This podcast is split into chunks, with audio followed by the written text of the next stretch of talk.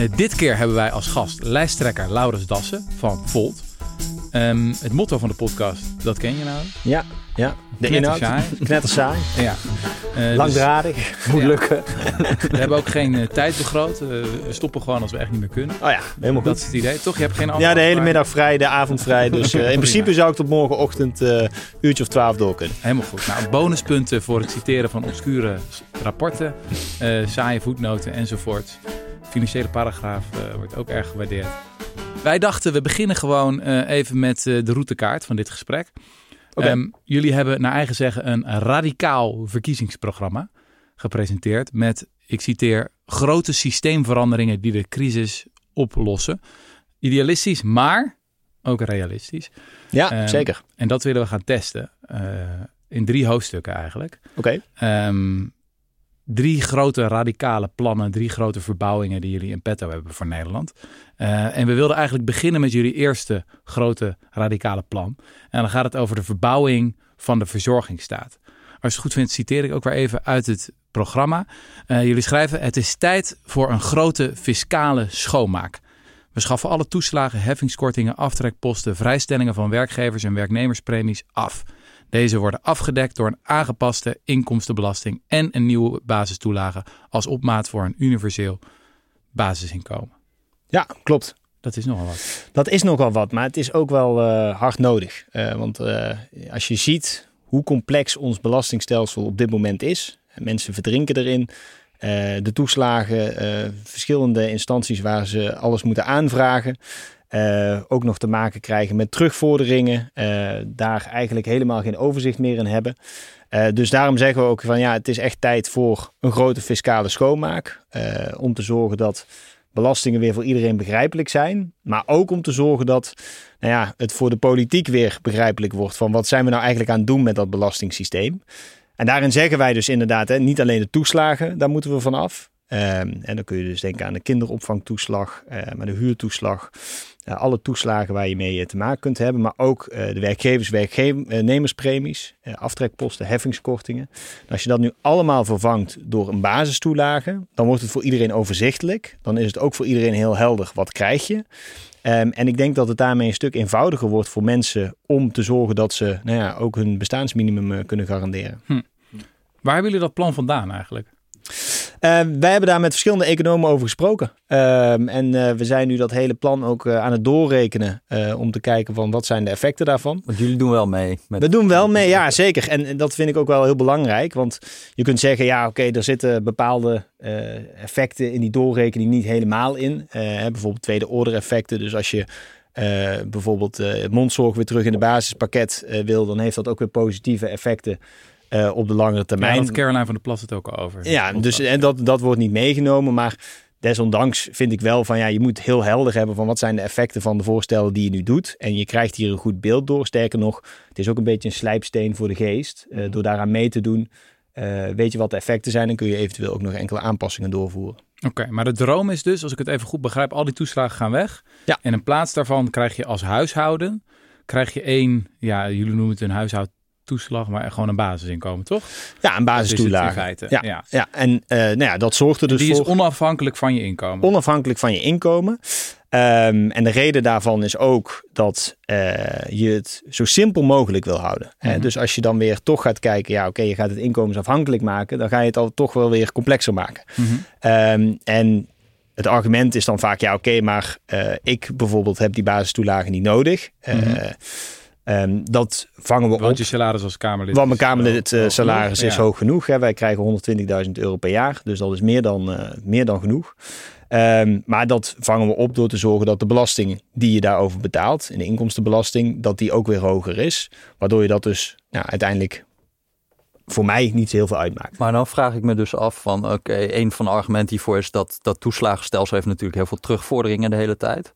Uh, maar dan ben je eigenlijk dezelfde terugvorderingsproblematiek ga je ook krijgen, alleen dan via de belastingen. Dus aan het eind van het jaar dan zal blijken van, uh, uh, nou ja, je hebt een basisinkomen gekregen en je hebt een heleboel inkomen gekregen. Dan kan het zo zijn dat jij daar ook een inschattingsfout in maakt. En dan in één keer moet, moet je een enorme belastingaanslag betalen, toch?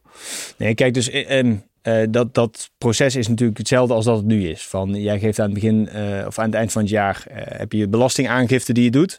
Van wat heb je uiteindelijk verdiend. En daarover betaal je belasting. Um, en dat is hoe dit systeem natuurlijk ook werkt. Alleen heb je gewoon een enkele basistoelage.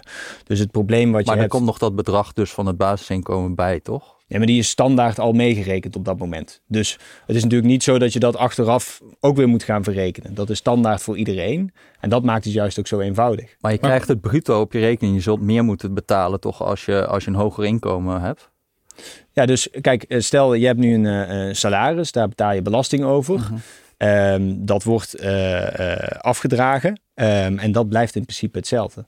Dus wat je niet meer krijgt is bijvoorbeeld als je uh, tussentijds in één keer meer bent gaan verdienen, dat je dan die toeslagen gedeeltelijk moet gaan terugbetalen. wat je natuurlijk wel behoudt is dat je gewoon de belasting moet betalen over het inkomen wat je hebt gehad. Maar die basistoelage staat daar los van. Hm. Dus dat maakt het juist ook zo eenvoudig. Want is niet ook nog een probleem van die toeslag die is dan op huishoudniveau. Dus die krijg je, die jullie voorstellen. Maar belastingen zijn op individueel niveau uh, geheven. Dus hoe ga je dat dan een beetje met elkaar rechtrijmen? Want uiteindelijk krijgt krijg dan een huishouden krijgt een bepaald bedrag standaard. Maar aan het eind van het jaar moet die belasting worden betaald op individueel niveau. Nee, de basistoelage is voor iedereen hetzelfde. Dus dat is niet op huishoudniveau. Dus... Maar ik zag in jullie verkiezingsprogramma dat het op huishoudniveau was gedaan. Nee, de basistoelagen zoals we nu aan het doorrekenen zijn. Uh, maar goed, dat, dat zijn we Ja, dus beste aan kijkers, het is een paar dagen later kijken. inmiddels en ik kreeg een eh, belletje, Laurens, uh, dat je toch nog een kleine correctie wilde toevoegen aan het verhaal over de huishoudtoelagen. Uh, dus wij dachten, ja prima, knippen we er gewoon in. Ja, nee, ja, Dus, super, heel fijn. En uh, zo zie je dat uh, het een zeer inhoudelijke podcast was. Uh, maar dan is het ook wel belangrijk om uh, zaken goed uit te leggen. En een van de punten waar we natuurlijk over gesproken hebben, is de uh, afschaffing van, hè, we willen een grote fiscale schoonmaak, dus af van alle toeslagen, heffingskortingen, uh, werkgevers, werknemerspremies, om juist die complexiteit uit het systeem te halen. Um, en wat wij dus willen is dat we naar een huishoudtoelage gaan. Uh, die zal een paar honderd euro per huishouden zijn. En daarbovenop krijg je per volwassene en per kind krijg je een extra toelage. Um, dat zorgt ervoor, iedereen krijgt dat. dat zorgt ervoor dat het systeem veel eenvoudiger gaat worden. Um, en dat zorgt er dus ook voor dat nou ja, al die toeslagen afgeschaft uh, kunnen worden. Um, dan kun je denken, hè, daar hadden we het uh, in het vorige gesprek ook over. Ja, oké, maar als iedereen het krijgt, is dat dan wel eerlijk? Hè? Nou, en in het systeem wat wij uh, nu voorstellen, zorg je ervoor dat dat weer via de inkomstenbelasting en de vermogensbelasting weer teruggehaald wordt. Dus uiteindelijk maakt dat voor die tandarts niet zo heel veel uit. Maar wat nu heel belangrijk is, is dat de complexiteit uit het fiscale systeem moet. Zowel voor de mensen die ermee te maken hebben, maar ook voor de Belastingdienst. Uh, want de uitvoeringskosten van al die verschillende toeslagen uh, zijn ook gigantisch hoog. Het systeem piept en kraakt. Um, en nou ja, vanaf 2026 geeft de Belastingdienst ook aan, kun je dit veel beter gaan aanpassen. Dus dan moet nu ook de politieke moed er zijn en de visie er zijn om het aan te passen. En uiteindelijk ook voor de beleidsmakers. Want je ziet dat in de afgelopen jaren het systeem steeds complexer is geworden, omdat de opeenvolgende kabinetten elke keer geprobeerd hebben om weer een extra knop toe te voegen aan het systeem. Uh, om bepaalde groepen nog meer uh, te kunnen helpen. Daarmee is het complexer en complexer geworden. Ja, en dit is het moment dat wij ook zeggen van uh, daar moeten we vanaf. Het moet eenvoudiger, het moet simpeler, het moet begrijpbaar worden mm -hmm. voor mensen. Uh, de stress, de maatschappelijke stress die mensen daarvan hebben door het niet aan te vragen, daar moeten we vanaf. En daarom stellen wij dus dit voorstel voor. Oké, okay. helder. Helder. Nou, dank nog even voor je komst. ja, naar de graag studio. gedaan. Dan gaan we weer terug naar het gesprek, als je het goed vindt. Heel top. Op deze manier wil organiseren. Ja, ja, ja. Maar dat kan je niet echt makkelijk compenseren met belastingen, omdat die op individueel niveau worden geheven, toch? Ja, dus in dus dit het is gewoon iets wat je accepteert, dat kan. Ja, maar... ik denk ook dat we dat met elkaar moeten doen. Dat op het moment dat als het eenvoudiger wordt, dat betekent ook dat je ja, het niet heel specifiek meer kunt maken voor iedereen. Ja. Uh, en dat is ook de verandering die je volgens mij wil bewerkstelligen. Uh, en de implicaties ja, die jij net noemt, die horen daar ook uh, bij. Ja. Een econoom Bas Jacobs is best kritisch over dit idee. En hij zegt dan een paar dingen. Het eerste wat hij zegt is van... Uh, je brengt economische schade toe. Uh, doordat je hogere tarieven in feite moet gaan heffen om dit basisinkomen te gaan financieren voor iedereen. Weet je wel, de tarieven worden uiteindelijk daardoor hoger. En je hebt een rondpopmachine. Want je bent bij heel veel mensen dus eerst een basisinkomen aan het geven en het dan weer terug aan het belasten. Ja, maar volgens mij is dat minder schadelijk dan de manier waarop we het nu doen. Uh, want volgens mij zijn we nu zo complex aan het maken dat we het eerst geven, dan moeten we het weer terugvorderen. Uh, dat moet allemaal gecontroleerd worden. Uh, daar zitten heel veel mensen zitten ook op. Het geeft heel veel onzekerheid. Um, dus volgens mij is het systeem wat we nu hebben is veel schadelijker en veel complexer. Hm. Maar ik dus... verwacht eigenlijk als, als je aan iedereen een inkomensonafhankelijk bedrag geeft. Nu keren we volgens mij 14 miljard aan toeslagen uit. Als je aan iedereen zo'n bedrag geeft, dan zal dat wel meer worden, toch? Dan 14 miljard. Alleen ga je dat daarna weer terughalen met belastingen. Alleen het wordt, wordt waarschijnlijk de omvang van die geldstroom wordt groter. Ja, dat klopt. Alleen het ehm, is wel een eenvoudiger te berekenen. Het is wel veel eenvoudiger te berekenen en uiteindelijk uit te voeren. En uh, kijk, de precieze stromen daarvan, die, ja, die zijn we nu aan het doorrekenen. Ja. Uh, dus daar krijgen we begin november uh, krijgen, krijgen we, een rapportcijfer. krijgen we een rapportcijfer op. ja, ja, ja. Hoe werkt het eigenlijk? Gaan zij dan ook wel echt met jullie om tafel om daarover ja. te praten? Van, mogen jullie nog in dat proces ook nog... Ja, dus er zijn meerdere iteraties. Hè? Want kijk, wat wij voorstellen is zo'n grote fiscale schoonmaak. wat is een iteratie? Dus dat is dat je een voorstel indient. Mm -hmm. uh, van nou, zo zien wij het uh, op dit moment voor ons. Dit is eigenlijk wat wij willen bereiken. Mm -hmm. uh, en dan gaan zij rekenen. Uh, en dan krijg je uitkomsten. Uh, en dan kun je zien van oké, okay, dit zijn de effecten uh, van deze uitkomsten. Maar dan mag je nog van mening veranderen. En dan kun je het daarna nog aanpassen. Hè? Dus als zij zeggen van de economie implodeert helemaal door dit basisinkomenplan, dan kan je nog zeggen. Dan kun je ah, zeggen, okay, nou, dan moeten we misschien toch wat aanpassingen hier en daar doen. Ja. Um, en dat is natuurlijk ook heel logisch, want ja, je wil weten wat de effecten zijn. En juist doordat er dus verschillende keren uh, die doorrekening plaatsvindt, mm -hmm. kun je ook hier en daar bijsturen. Kijk, het kan natuurlijk zijn dat in één keer de effecten op een bepaalde groep dusdanig groot zijn, dat je denkt van oké, okay, misschien dat we daar toch op een andere manier rekening mee moeten ja. houden. Het is ook wel een beetje een ideologische vraag bijna, toch? Wat je vindt van die doorrekeningen. Ik bedoel, sommige mensen zouden zeggen van ja, uh, die doorrekeningen gaan uit van een model uh, over hoe mensen werken, de homo economicus ja, dat past helemaal niet bij mijn mensbeeld. Jullie zeggen zelf ook, wij uh, kijken eigenlijk heel anders naar de mensen. We hebben heel veel vertrouwen in de mens. Ja. Dus als die economen zeggen van mensen stoppen met werken als ze hogere belastingen krijgen, daar geloven wij helemaal niet in. Wij denken dat mensen iets willen bijdragen. Uh, de homo coperans uh, geloven wij in, ik zeg maar wat. Um, dat lijkt me wel een afweging voor jullie. Want dat kan ik nu al op een briefje geven. Dat Tuurlijk. dat natuurlijk uit die modellen gaat komen. Dat, dat die hogere tarieven die jullie nodig hebben om dat basisinkomen te financieren, zullen leiden tot uh, minder arbeidsparticipatie, dat minder mensen minder uren gaan maken, oftewel economische schade. Nee, kijk, en, en uh, wat, wat ik tot nu toe heb gezien, gaat dat zeker niet gebeuren. Um, en, maar het is wel een terechte vraag die je stelt. Hè, van laat je je leiden door modellen of laat je je leiden door het idealistische beeld wat je uiteindelijk hebt. En bij ons is dat dat je ook juist moet zorgen dat mensen, dat je ze vertrouwen geeft. Um, om uiteindelijk ook bij te dragen aan de samenleving. Want ja, uh, uiteindelijk zorgt het er ook op dat mensen zich beter kunnen ontwikkelen, ruimte hebben om mantelzorg te doen, uh, uh, onderwijs te volgen. dus het geeft ook een bepaalde zekerheid, juist aan mensen in de samenleving. Um, maar wat ik tot nu toe terugkrijg van die berekeningen, is dat helemaal niet het geval dat mensen of dat dat negatief zou zijn. Hm. Okay. Dus dat is wel positief. En het is natuurlijk ook, hè, het is een opmaat naar een basisinkomen waar we nu mee bezig zijn. Dus het is een eerste stap.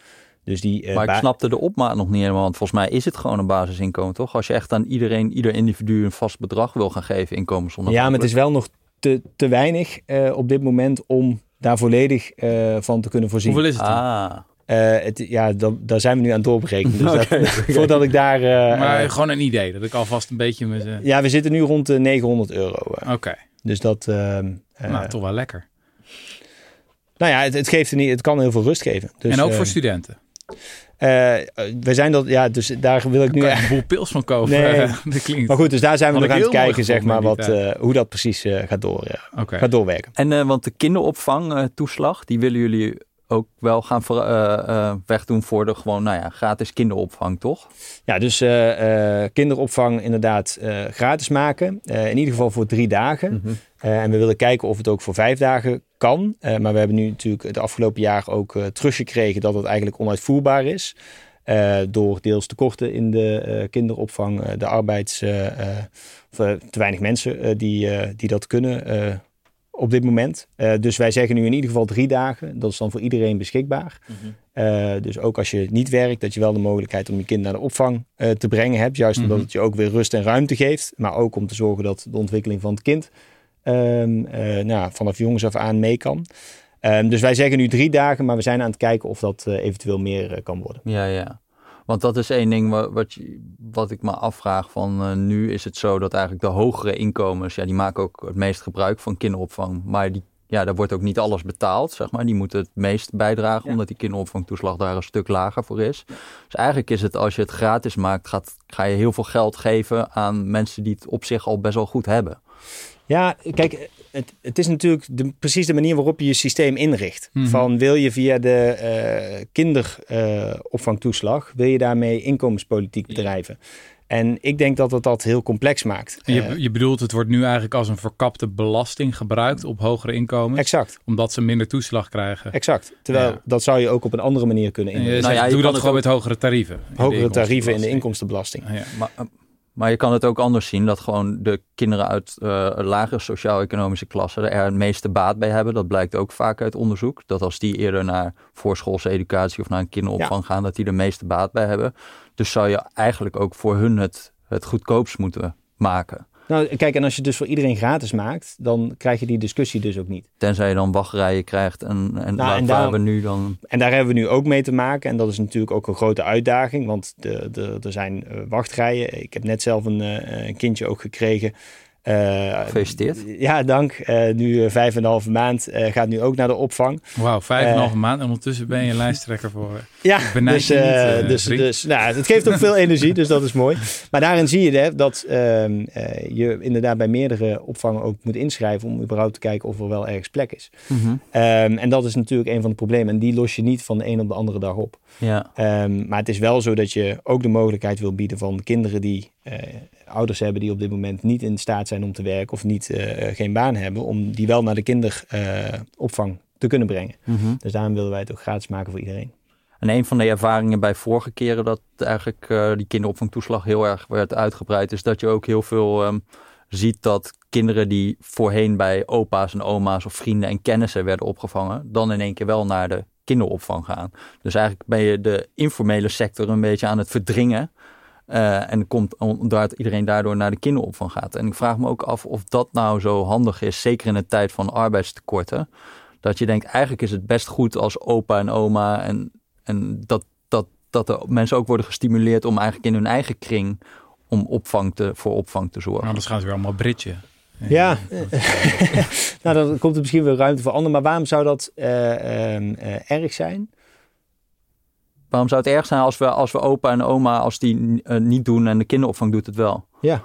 Nou, Juist we, omdat we hebben al in mensen arbeidstekorten. Het is heel fijn dat opa en oma. Nee, zeker. Dus dat is heel fijn. En, hè? En maar je wilt, je wilt ook juist zorgen dat uh, uh, kinderen op, uh, van jongs af aan eigenlijk ook al ja, de ruimte hebben om met elkaar op te groeien en ja, op, op de kinderopvang. Je zou kunnen zeggen, het is, zou ook mooi zijn als ze hun opa en oma meer zien. Ik bedoel, ligt eraan, misschien is het een beetje christendemocratische gedachte om te zeggen, ik wil meer opvang in eigen kring. Maar het is natuurlijk wel dat je iets wat voorheen ook onderling gebeurde. Ik weet uit mijn eigen jeugd nog toen het, dat ik echt veel bij mijn oom en zo werd opgevangen. En door het allemaal te verstatelijken op deze manier. Ja, maar zit hier ook niet de gedachte achter dat um, uh, je nog steeds de mogelijkheid... Kijk, volgens mij is een van de redenen dat opa's en oma's dat ook vaak doen...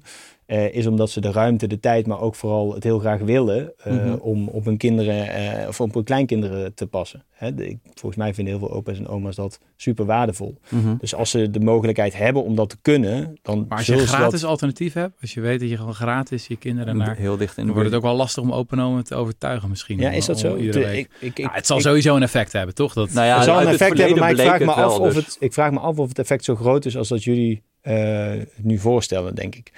Um, ik, ik, denk dat er nog steeds heel veel opa's en oma's zijn die uh, dit graag uh, hmm. zullen blijven doen. Maar goed, het, het, zal zeker een effect hebben. Dus da daarom zeggen we ook hè, van het zou drie dagen gratis moeten zijn. Mm -hmm. Omdat het anders niet uitvoerbaar uh, zal zijn. Ja, ja, ja, ja.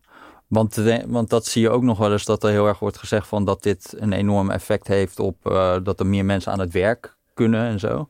Maar dat bleek ook vaak dan eigenlijk nogal tegen te vallen. Dat, dat, dat ja, de hoeveelheid werkgelegenheid die je hiermee creëert door het gratis te maken om kinderopvang te hebben.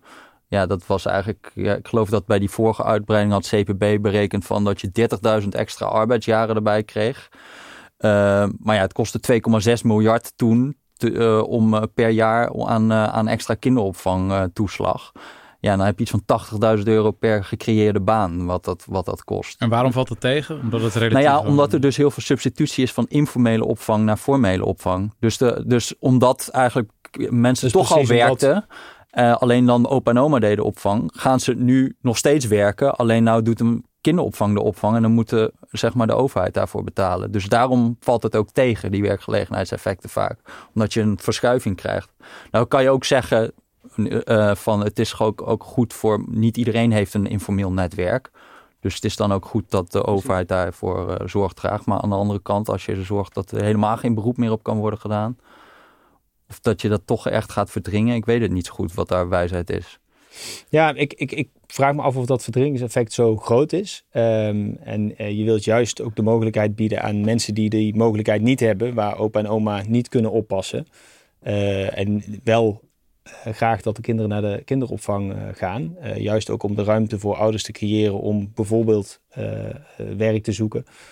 of omdat ze op dit moment allebei al werken uh, wil je die mogelijkheid juist bieden. Hm. Ik vond een heel interessant ding, uh, dat de SGP had eigenlijk een best wel radicaal plan om dit allemaal helemaal anders te gaan aanpakken. Ja, het, mm -hmm. was ook wel heel Naast Volt is SGP ook een radicale partij. Ja, dat kan je wel zeggen, ja.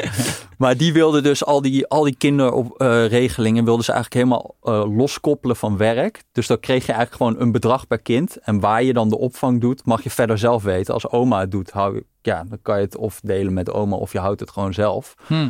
Of, uh, uh, maar nu is het natuurlijk heel erg gekoppeld, die kinderopvangtoeslag, aan dat jij echt naar een formele kinderopvang deed. En ik weet niet wat ik ervan vind verder, die gedachte van SGP, maar ik vond het niet zo evident absurd of zo, dat je eigenlijk zelf mag kiezen of ik ben naar de kinderopvang of ik ga naar oma, maar ik krijg sowieso hetzelfde bedrag. Basisinkomen voor dus kinderen. Dus dat je sowieso een, een bedrag krijgt als een soort kinderbijslag? Ja. Of, uh, nou is het natuurlijk ook in Urk zo dat ze daar vier, vijf kinderen per gezin hebben. Dus het was voor hun achterban waarschijnlijk ook wel gunstig als het per kind ging. Dat loopt lekker maar op, ja. Ja. het was dus een beetje, ze maken het opvang agnostisch. Het maakt niet uit of je het bij opa of oma doet of bij een formele kinderopvang. Maakt je krijgt altijd uit een bedrag. Of je, het, of je kinderen überhaupt uh, naar de opvang brengt? Nee, dat maakt dus niet uit. Dat maakt ook niet uit.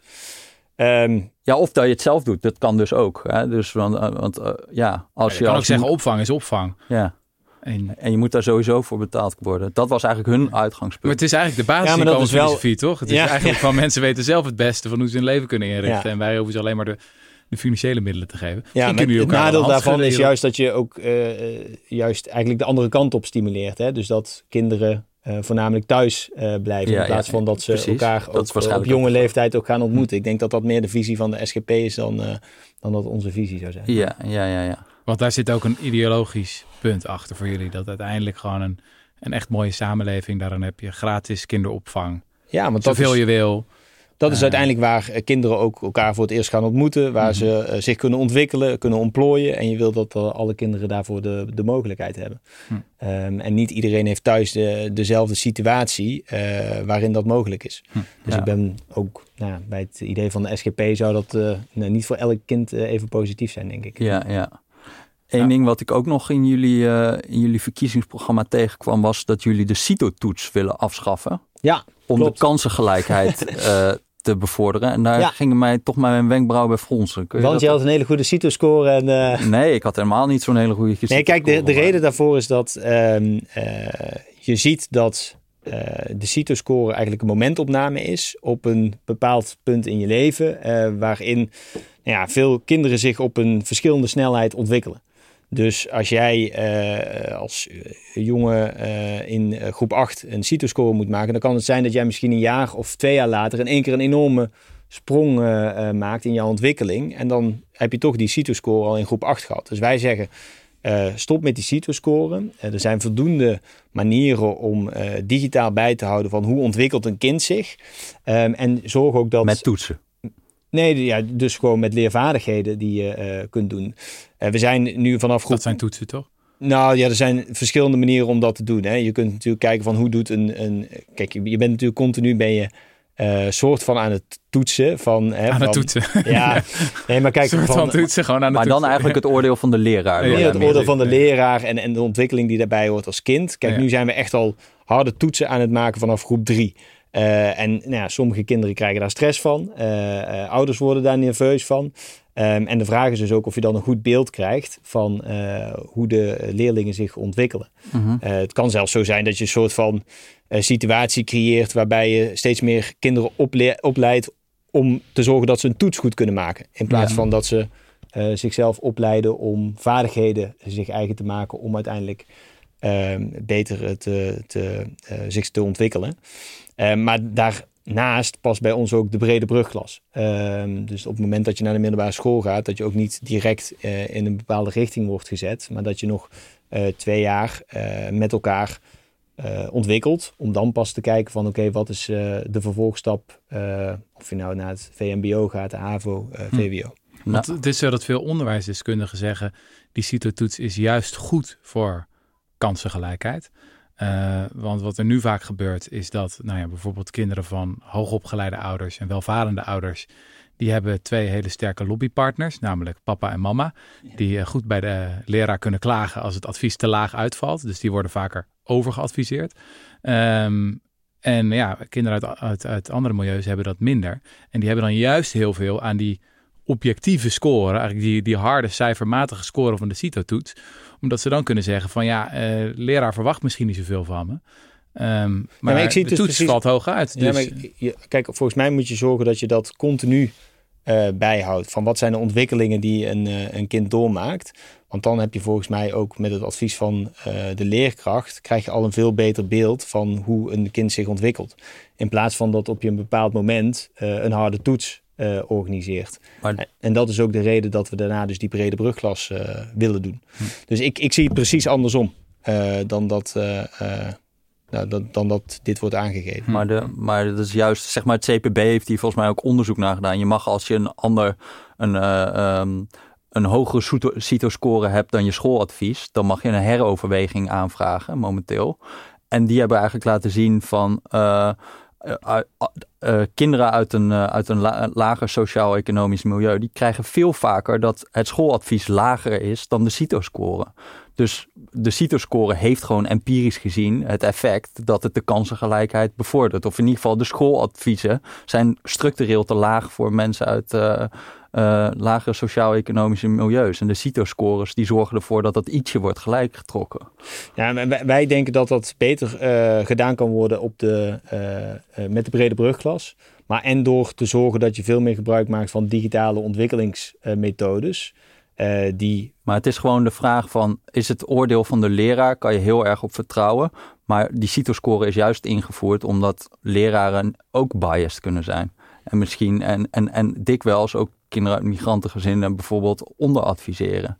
En daarvoor dient die CITO-score, die, daarvoor is die ook ooit verzonnen, omdat dat bleek. Dat leraren ook niet altijd het, eh, de grootste deskundigen zijn op het gebied van wat een leerling kan. nou ja, ik denk wel dat je naar het vertrouwen ook van de leraar eh, moet eh, durven kijken. Ehm, maar daarnaast ja, is, is het probleem met die CITO-toets blijft wel dat je op een bepaald moment getoetst wordt. En mogelijk is dat veel te jong, waardoor je een CITO-score hebt die veel lager uitvalt. Eh, Maar is daar- dat niet juist bij uitstek de stress van de hoogopgeleide ouders die dan denken van, oh god, die test en bla bla bla. Maar ja, het, als het voor de kansengelijkheid is, dan moet je dat juist, moet je echt juist die CITO-score behouden. Nou ja, ja, goed, ja ik, ik, ik zie dat dus echt anders. Mm. Ehm, en, en ik denk dat je het dus door moet trekken naar het begin van de middelbare school. eh, om daar ook ehm, met, eh, ja, eigenlijk ook hè, als ontmoeting van eh, leerlingen met ook verschillende achtergronden. eh, om te zorgen dat je niet daar al opgedeeld wordt in verschillende eh, niveaus. Om dat je überhaupt niet opdeelt. Dus gewoon dat is nou, dat dus veel later gebeurt. Omdat je dan ook zorgt dat je elkaar kunt optrekken. en dat dan op een later moment pas gekeken wordt welke kant je op gaat. Dan komt er later een CITO-toets. Een Nee, dus- CITO-toetsachtig iets. Nou, nee, dus, ja, dus geen CITO-toets. Maar dus dan wordt er op basis van die twee jaar... kun je bepalen van welke richting ga je, ga je op. En wie doet dat dan? Dat doen uiteindelijk de leraren. Oké, maar die zijn bevooroordeeld, blijkt uit onderzoek. Dus die geven vaker kinderen van hoogopgeleide ouders en rijkere ouders het voordeel van de twijfel. Eh, En onderadviseren vaak mensen uit lagere inkomensmilieus. Ja, eh, kijk, wat ik begrepen heb is dat, dat, uh, dat die CITO-toets daar juist een, eh, een, remmende werking op heeft. Dus uh, ja. Oké, is een empirische vraag uiteindelijk. Maar, ja. Ja. Dus, ja. maar goed, dat is natuurlijk wel iets wat we moeten voorkomen. Ja, ja, ja. dus dat is wel belangrijk. Ja. ja. Dit is niet heel oncontroversieel, toch? Onder onderwijsdeskundigen. Dat, dat dacht, ik, dacht ik niet eigenlijk, nee. Nee. nee. nee. Dus misschien niet zo'n goed idee. Jawel, dus als, je voor kansen, als je voor kansengelijkheid bent, zeker in het huidige systeem. Nou, dan, dan is, juist de brede brugklas is daar een, een, een goed voorstel om te zorgen ja. dat die kansengelijkheid echt verbeterd wordt. Ja. Omdat je uh, zorgt dat kinderen elkaar daar ook nog ontmoeten en juist aan elkaar kunnen optrekken. Ja. Om te zorgen dat ze um, ja, de ontwikkeling stimuleren. Ja, maar ik zou zeggen dat als je een keer wil gaan selecteren, in, ja, noem het wat je wil, hoger, lager, theoretisch, praktisch. Maar er komt een moment dat je dat gaat doen. En dat ook ouders best wel een voorkeur hebben, of wat het wordt. En dat het ook best wel wat impact heeft op je latere carrièrekansen en je latere inkomen. Als dat moment er nog steeds is, dan is toetsen in principe fijn voor mensen die, uh, hoe zeg je dat, minder vinkjes hebben. En uh, een minder krachtige lobby hebben vanuit de ouderlijke kant. Ja, goed. Ik, ik heb het idee dat we hier uh, niet helemaal op dezelfde lijn zitten. Uh, nee. Dus kijk, nee. ik denk dat vooral ook belangrijk is dat die, die brede brugklas goed wordt geïmplementeerd. Oh ja. Uh, want dan ga je juist zorgen dat iedereen elkaar kan ontmoeten en dat je aan elkaar kunt optrekken. Ja, nee, want er zijn ook andere argumenten natuurlijk, die noemde je net ook al, waar ik wel veel sympathie voor heb. Als van, uh, met toetsen krijg je natuurlijk wat ze teaching to the test noemt. Dat Ja, inderdaad exact. je vooral goed bent in een bepaalde toets afleggen. En ja, lang niet alles is meetbaar. Heel veel vaardigheden die in het onderwijs worden gedoseerd. Of nou Creatieve vaardigheden, Ja. eh, dat, dat, dat wordt allemaal niet meegenomen in die CITO-score. Mhm. Eh, en daar wordt wel steeds meer eh, de nadruk op gelegd van wat is de score. Ja. En, en ja, daarvan zeggen wij dat dat zorgt juist ook dat je miskent welke andere talenten Ja, Een, een kind mogelijk heeft. En dat je daar dus ook veel meer aandacht aan, aan geeft. Ja, ik wou nog een vraag stellen over de uitvoerbaarheid van dit soort radicale plannen. Eh, op zich geloof ik best dat je de CITO-toets kan afschaffen. Eh, dat is wat te doen. Eh, maar nog terugkomend op het punt waar we het hiervoor over hadden. Over bijvoorbeeld al die fiscale maatregelen. Die ook de kansengelijkheid moeten, bevorderen, Ja. moeten bevorderen. We hadden een tijdje geleden hadden we Marnix van Rij. De staatssecretaris Fiscaliteit en Belastingdienst. nu natuurlijk de missionair. in de podcast. En die zei eigenlijk van, ja, voorlopig niet alsjeblieft. Hij, zei, stem op mij, ik ga niks doen. Eh, even een citaat van hem. Alles Staat wat, op de lijst? alles wat bestaande knoppen zijn, tarieven, vrijstellingen, dat kan. Maar echt grote nieuwe stelselwijzigingen nu even niet.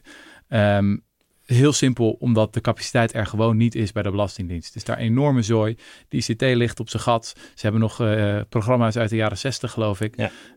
eh, die nog niet bestonden toen, eh, nou, toen Bill Gates nog in de wieg lag, laat ik het zo Ja, zeggen. ja, ja. ja. Ehm, de- dit kan gewoon niet. De- dit gaat gewoon tot een totale catastrofe leiden als je dit soort gigantische plannen nu gaat uitstrooien. Ja, ik, ik heb Marnix van Rij dit ook eh, vaker eh, horen zeggen. En ik denk dat eh, we goed moeten kijken wat kan de Belastingdienst wel aan. Mhm. Ik denk sowieso dat het symptomisch is dat er jarenlang zoveel keuzes vooruit zijn geschoven. Maar ook dat we het belastingstelsel steeds maar complexer hebben gemaakt. Eh, met alle gevolgen ook voor de ICT bij de Belastingdienst zelf.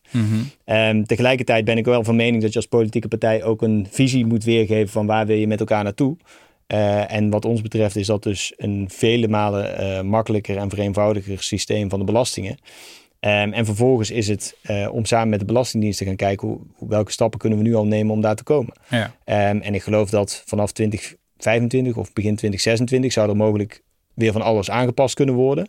Ehm, nou, dan moet je wel een plan hebben, wat ga je dan doen? Eh, en als je dan nu zegt, ja nee, we gaan helemaal niks aanpassen, we laten zoals het is, wetende dat dat niet goed is, dan vind ik dat heel onverstandig. Ja. En dan Nou, getuigt me dat ook niet van, oké, we gaan het belastingssysteem voor iedereen weer eenvoudiger en Maar, eh, begrijpbaar maken. Het probleem was denk ik, dit was ook echt een van de thema's in de toeslagenaffaire. Dat politici bezig waren met hele grote hervormingen. Weet je wel, die hele toeslag daaruit. Moet kinderopvang voor iedereen. Weet ik veel wat voor ideeën er allemaal waren. Maar ondertussen was er weinig liefde voor de praktijk van alle dag. En eh, ja, hadden weinig mensen door hoe het helemaal zat ontsporen. Hebben we niet ook gewoon, ja, het is wat minder sexy, maar gewoon eh, wat minder radicale plannen nodig voor hoe we nu wat pleisters kunnen plakken om het huidige systeem een Ja, beetje op te lappen. Maar het probleem is wel een beetje dat we altijd pleisters aan het plakken zijn. Eh, en dat doen we niet alleen eh, in, in, in dit systeem, dat zijn we bijna in alle systemen aan het doen. Eh, en dat betekent ook dat je nooit verder komt. Want hoe meer pleisters je plakt, hoe moeilijker het ook straks weer wordt om ehm, nou ja, eh, te zorgen dat het wel voor iedereen begrijpelijk wordt. Dus ik snap aan de ene kant de oproep. En natuurlijk, daar zullen we ook met de Belastingdiensten naar moeten kijken van wat is uitvoerbaar uh, en wat niet. En dat, daar zul je altijd kritisch naar, naar moeten kijken om te voorkomen dat je niet in een situatie terechtkomt waar je in één keer hele onbedoelde effecten gaat krijgen.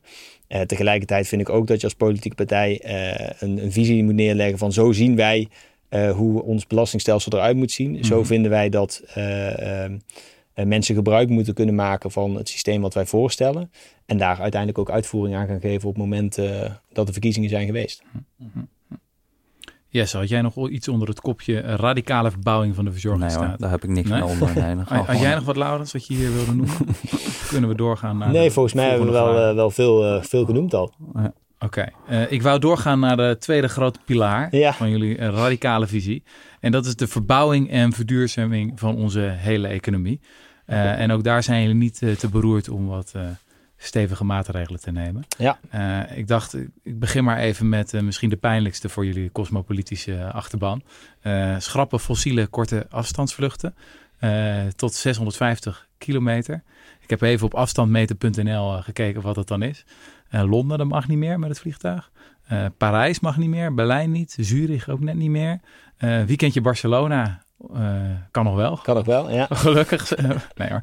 Um, uh, is, uh, van waar deze soort van ja, vrij stevige radicale aanpak? Je zou kunnen zeggen, we belasten het forser.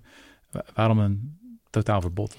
Nou, kijk, wat je op dit moment ziet is dat er uh, nou ja, richting Brussel nog vliegtuigen gaan, vijf per dag. Mm -hmm. Richting Parijs, richting Berlijn, richting Londen natuurlijk gigantisch veel.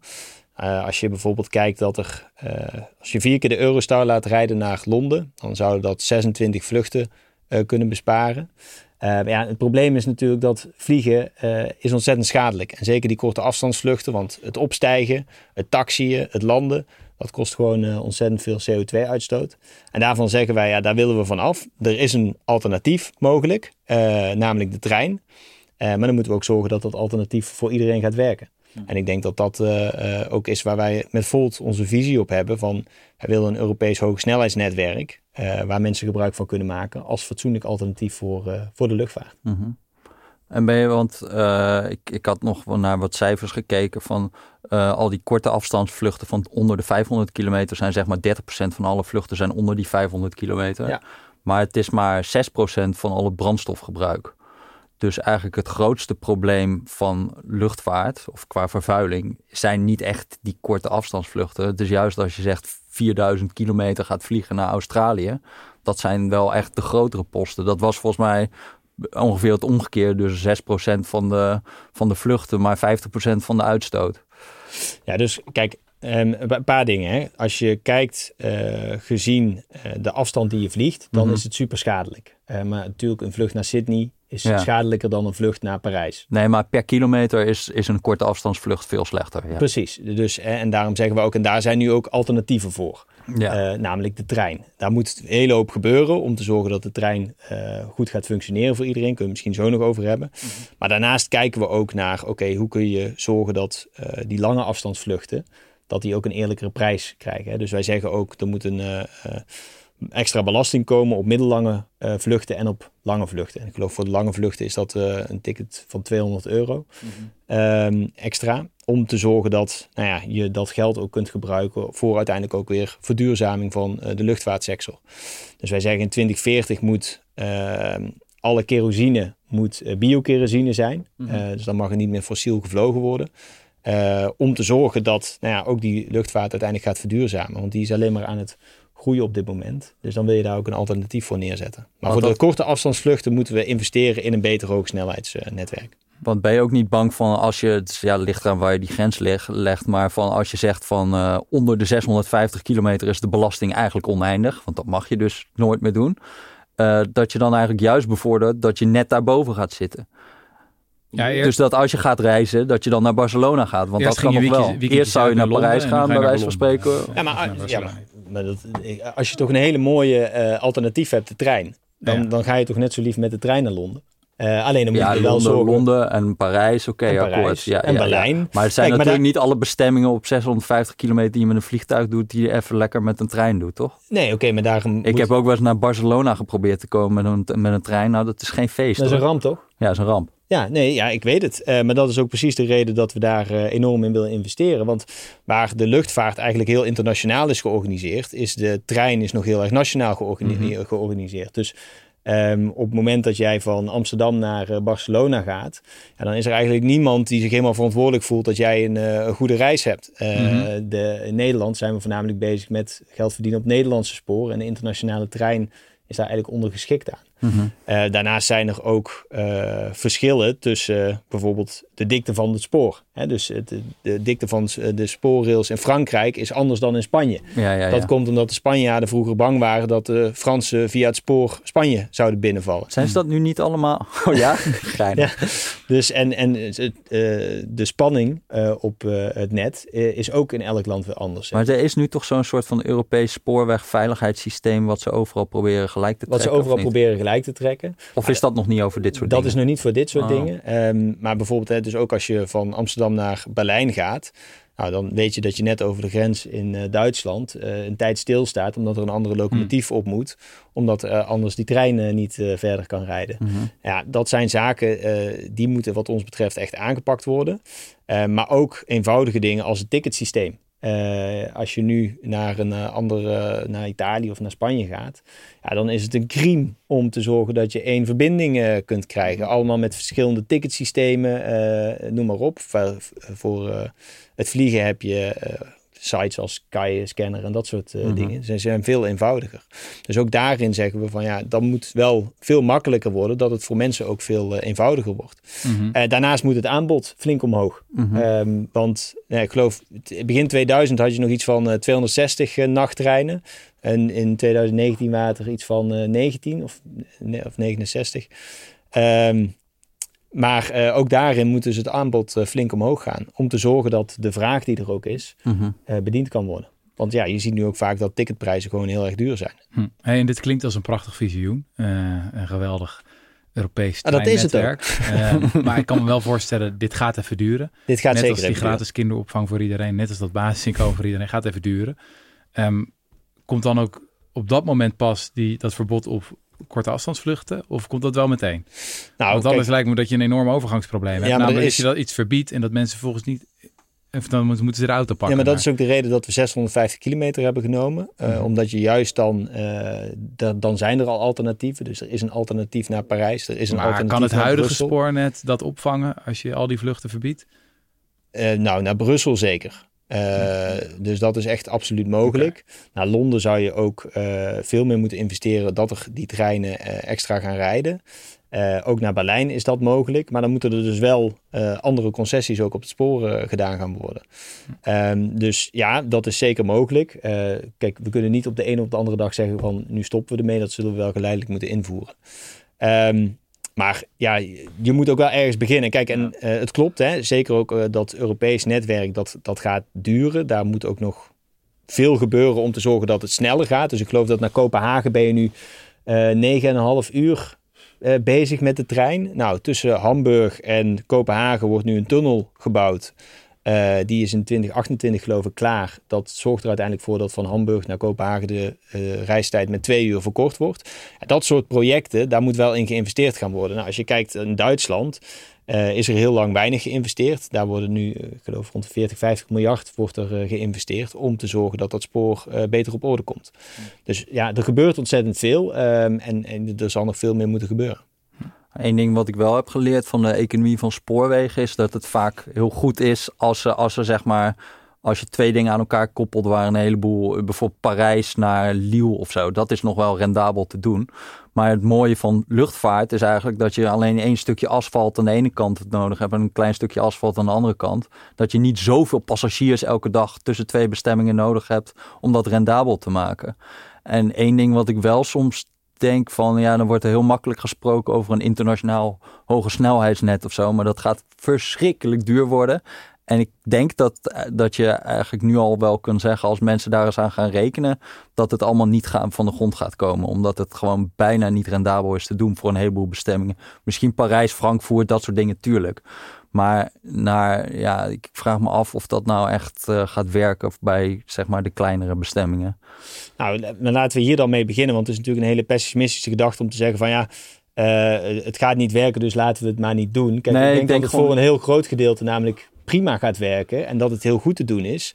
Uh, alleen dan moeten we er wel ook in durven uh, te investeren. Uh, en, en dat doen wij ook met dit programma, om te zorgen dat er ook wel een fatsoenlijk alternatief is. Want je zou ook natuurlijk kunnen zeggen, we gaan voor alle vluchten tot 650 kilometer zeggen, oké, die moeten 100% sustainable aircraft fuels bijvoorbeeld. Je kan ook zeggen, we houden Maar dat is op dit moment gewoon nog niet. nee, precies, maar dat is ook niet voor een verbod. Dat nee, is ook maar we hebben wel een enorme klimaatcrisis waar we mee te maken hebben. Hè? En dus uh, wij willen ook dat uiteindelijk in 2040 die hele luchtvaartindustrie verduurzaamt met die uh, biokerosine. Um, daar, daar, hebben we ook bijmengverplichtingen voor om dat ook aan te jagen. Hè. Dat gebeurt nu nog veel te weinig. Uh, die ontwikkelingen die staan niet stil. Um, maar ja, de, de vraag daarnaar uh, is, wordt groter. Alleen het aanbod is bijna non-existent. Mm -hmm. um, dus ja, daarin zeggen wij van oké, okay, dan moet je zorgen dat je voor de korte afstand in ieder geval nu andere maatregelen gaat nemen. En één ding wat ik daar ook... En natuurlijk, eh, kijk, het is natuurlijk het hele pakket ook. Hè? Sorry dat ik je onderbreek. Mm -hmm. um, maar het zijn ook de extra belastingen, de belastingen op kerosine die we willen verhogen. Wat er ook voor gaat zorgen ja, dat er uiteindelijk gewoon minder gevlogen gaat worden. Mm -hmm. um, en dat is, ja, denk ik ook noodzakelijk. Omdat we uh, op dit moment uh, ook te maken hebben met een uh, enorme klimaatcrisis die we willen voorkomen. Ja, ja, ja. Maar daarvoor is, merk ik ook vaak in de discussie dus dat het heel veel over die korte afstandsvlucht gaat, waar we het eigenlijk op zich ook wel over eens kunnen zijn. Dat is ook een beetje belachelijk om naar Brussel te vliegen natuurlijk. Maar de 95% van het probleem is juist die vluchten die veel verder gaan. En daar is eigenlijk geen alternatief voor. Voor als je naar Australië wil, dat, ja, of nee. je moet gewoon zeggen, dat, dat willen we gewoon niet meer. Dat kan niet meer. Uh, nee, ja, dus dus wij hebben het maar over een heel klein gedeelte ja. van het probleem dan eigenlijk met die, ja, die 5% van brandstoffen met korte afstandsvluchten. Nee, maar dus. kijk, daarom zeggen wij dus ook van dat uh, kerosine eerlijke belast moet uh, gaan worden. Daarom ja. zeggen we ook dus dat er een extra belasting op die lange afstandsvluchten moet worden gezet. Daarom zeggen we ook dus dat die bijmengverplichting er moet komen in 2040, die biokerosine. Dus het is natuurlijk het hele pakket van maatregelen waar je naartoe wil. We willen ook zorgen dat privévliegtuigen minder gebruikt worden. Um, uh, dus het is een heel pakket wat wij voorstellen, wat uiteindelijk ook tot minder vliegbewegingen moet gaan zorgen. En hoe zie je dat in verhouding tot uh, het Europees beleid? Want dit zijn, dat zag ik ook soms in het programma bij, uh, bij Volt, dat er eigenlijk al best wel veel, hier ook op vliegvaart, zeg maar, is er nu is net de vliegvaart is onder ETS gekomen. Uh, is het, het Europese, dan, Europese emissiehandelssysteem? Dus ook tickets naar Barcelona en zo zijn begin dit jaar volgens mij ja, 50 euro duurder geworden of zo. Ja, het is misschien nog niet genoeg, maar het, het, dus het begint echt een beetje iets te gebeuren. uit te stoten. Ja. ja. Ja. en dat was lange tijd. Gold dat niet voor de luchtvaart, maar nu dus ook. Ja, de luchtvaart. In ieder geval de vluchten binnen Europa vallen nu onder, onder het uh, emissiehandelssysteem. Is het dan eigenlijk niet raar als Nederland zelf in één keer iets gaat doen daarnaast nog? Want je kan ook zeggen, ja. dit is juist Europees beleid. Kijk, dat, ja, uh, dat snap ik. Uh, dat is natuurlijk... en dat, voor Volt zou ik dat juist verwachten, zeg maar. Nee, zeker. En dat, dat krijgen we natuurlijk ook uh, altijd terug. Hè? Als wij iets voorstellen van, ja, maar dan moet toch Europees, moeten we dat dan niet altijd in Europa samen doen? Maar tegelijkertijd is Volt natuurlijk in elk land in Europa bezig om te zorgen dat we sneller gaan. Mm -hmm. Wij vinden namelijk dat we op dit moment in Europa die uh, transitie uh, niet snel genoeg maken.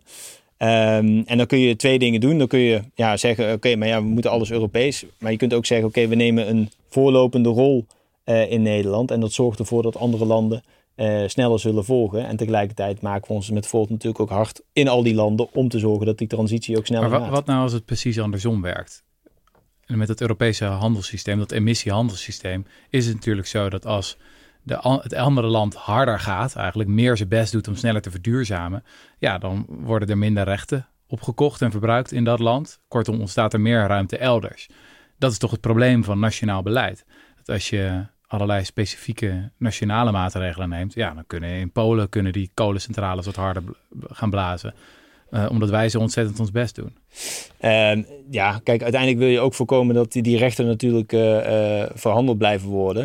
Um, ja, maar dat is wel hoe het werkt nu. En ik, ik, nou, bedoel, ik vind kijk, het een prachtig systeem, het Europese handelssysteem. Nee, zeker. Juist Volt moet daar natuurlijk moet dat doorhebben. Dat het niet zo handig is om allemaal nationale maatregelen te nemen, als dat vervolgens tot allerlei waterbedeffecten leidt. Weet je, je gaat een, in je eentje in Nederland wat doen. Je hebt een specifieke Nederlandse regel, maar dat geeft alleen maar meer ruimte elders. Ja, kijk, en ook dat hoor ik heel vaak. En ook als je zegt van hè, eh, je gaat bepaalde eh, bedrijven ga je, uh, meer belasten, waardoor ze naar het buitenland zouden vertrekken. Ja, nou, dat is toch ook zo? Ja, dat is maar gedeeltelijk waar. Er zijn veel meer factoren die daar een rol in spelen.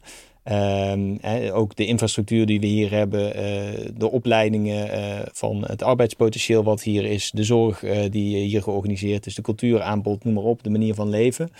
Um, die ook allemaal voor zorgen dat bedrijven hier graag zich willen vestigen. Maar wacht dus... even, op sommige punten hadden jullie daar, ik vond heerlijk onorthodoxe ideeën over. Dus in het programma stond bijvoorbeeld van wij willen groene staal, de productie daarvan stimuleren. En nou, dat gaat niet hier gebeuren, maar in dus Zweden. Naar Zweden kijken, sterker nog, we gaan de Zweden gaan we subsidie geven om daar groen staal voor ons te maken. Met hun prachtige waterkrachtcentrales. Toen dacht ik, nou, dat is nou echt Europees gedacht. Maar dat is vet. Nederlandse, ja, heel vet. Ja, nee, inderdaad. Maar dus inderdaad, Tata Steel wegpest hier eigenlijk. Ik zeg het even bot, maar uh, nee, dat, kijk, Tata Steel wordt weggeconcurreerd nee, door de Zweedse groene staal met ja. voltsubsidie subsidies. Uh, kijk, dat is echt Europees gedacht. Nou ja, en dus dat je die ruwe staal uiteindelijk, die zou je weer hier in IJmuiden kunnen gebruiken bij de walsen die we hier hebben.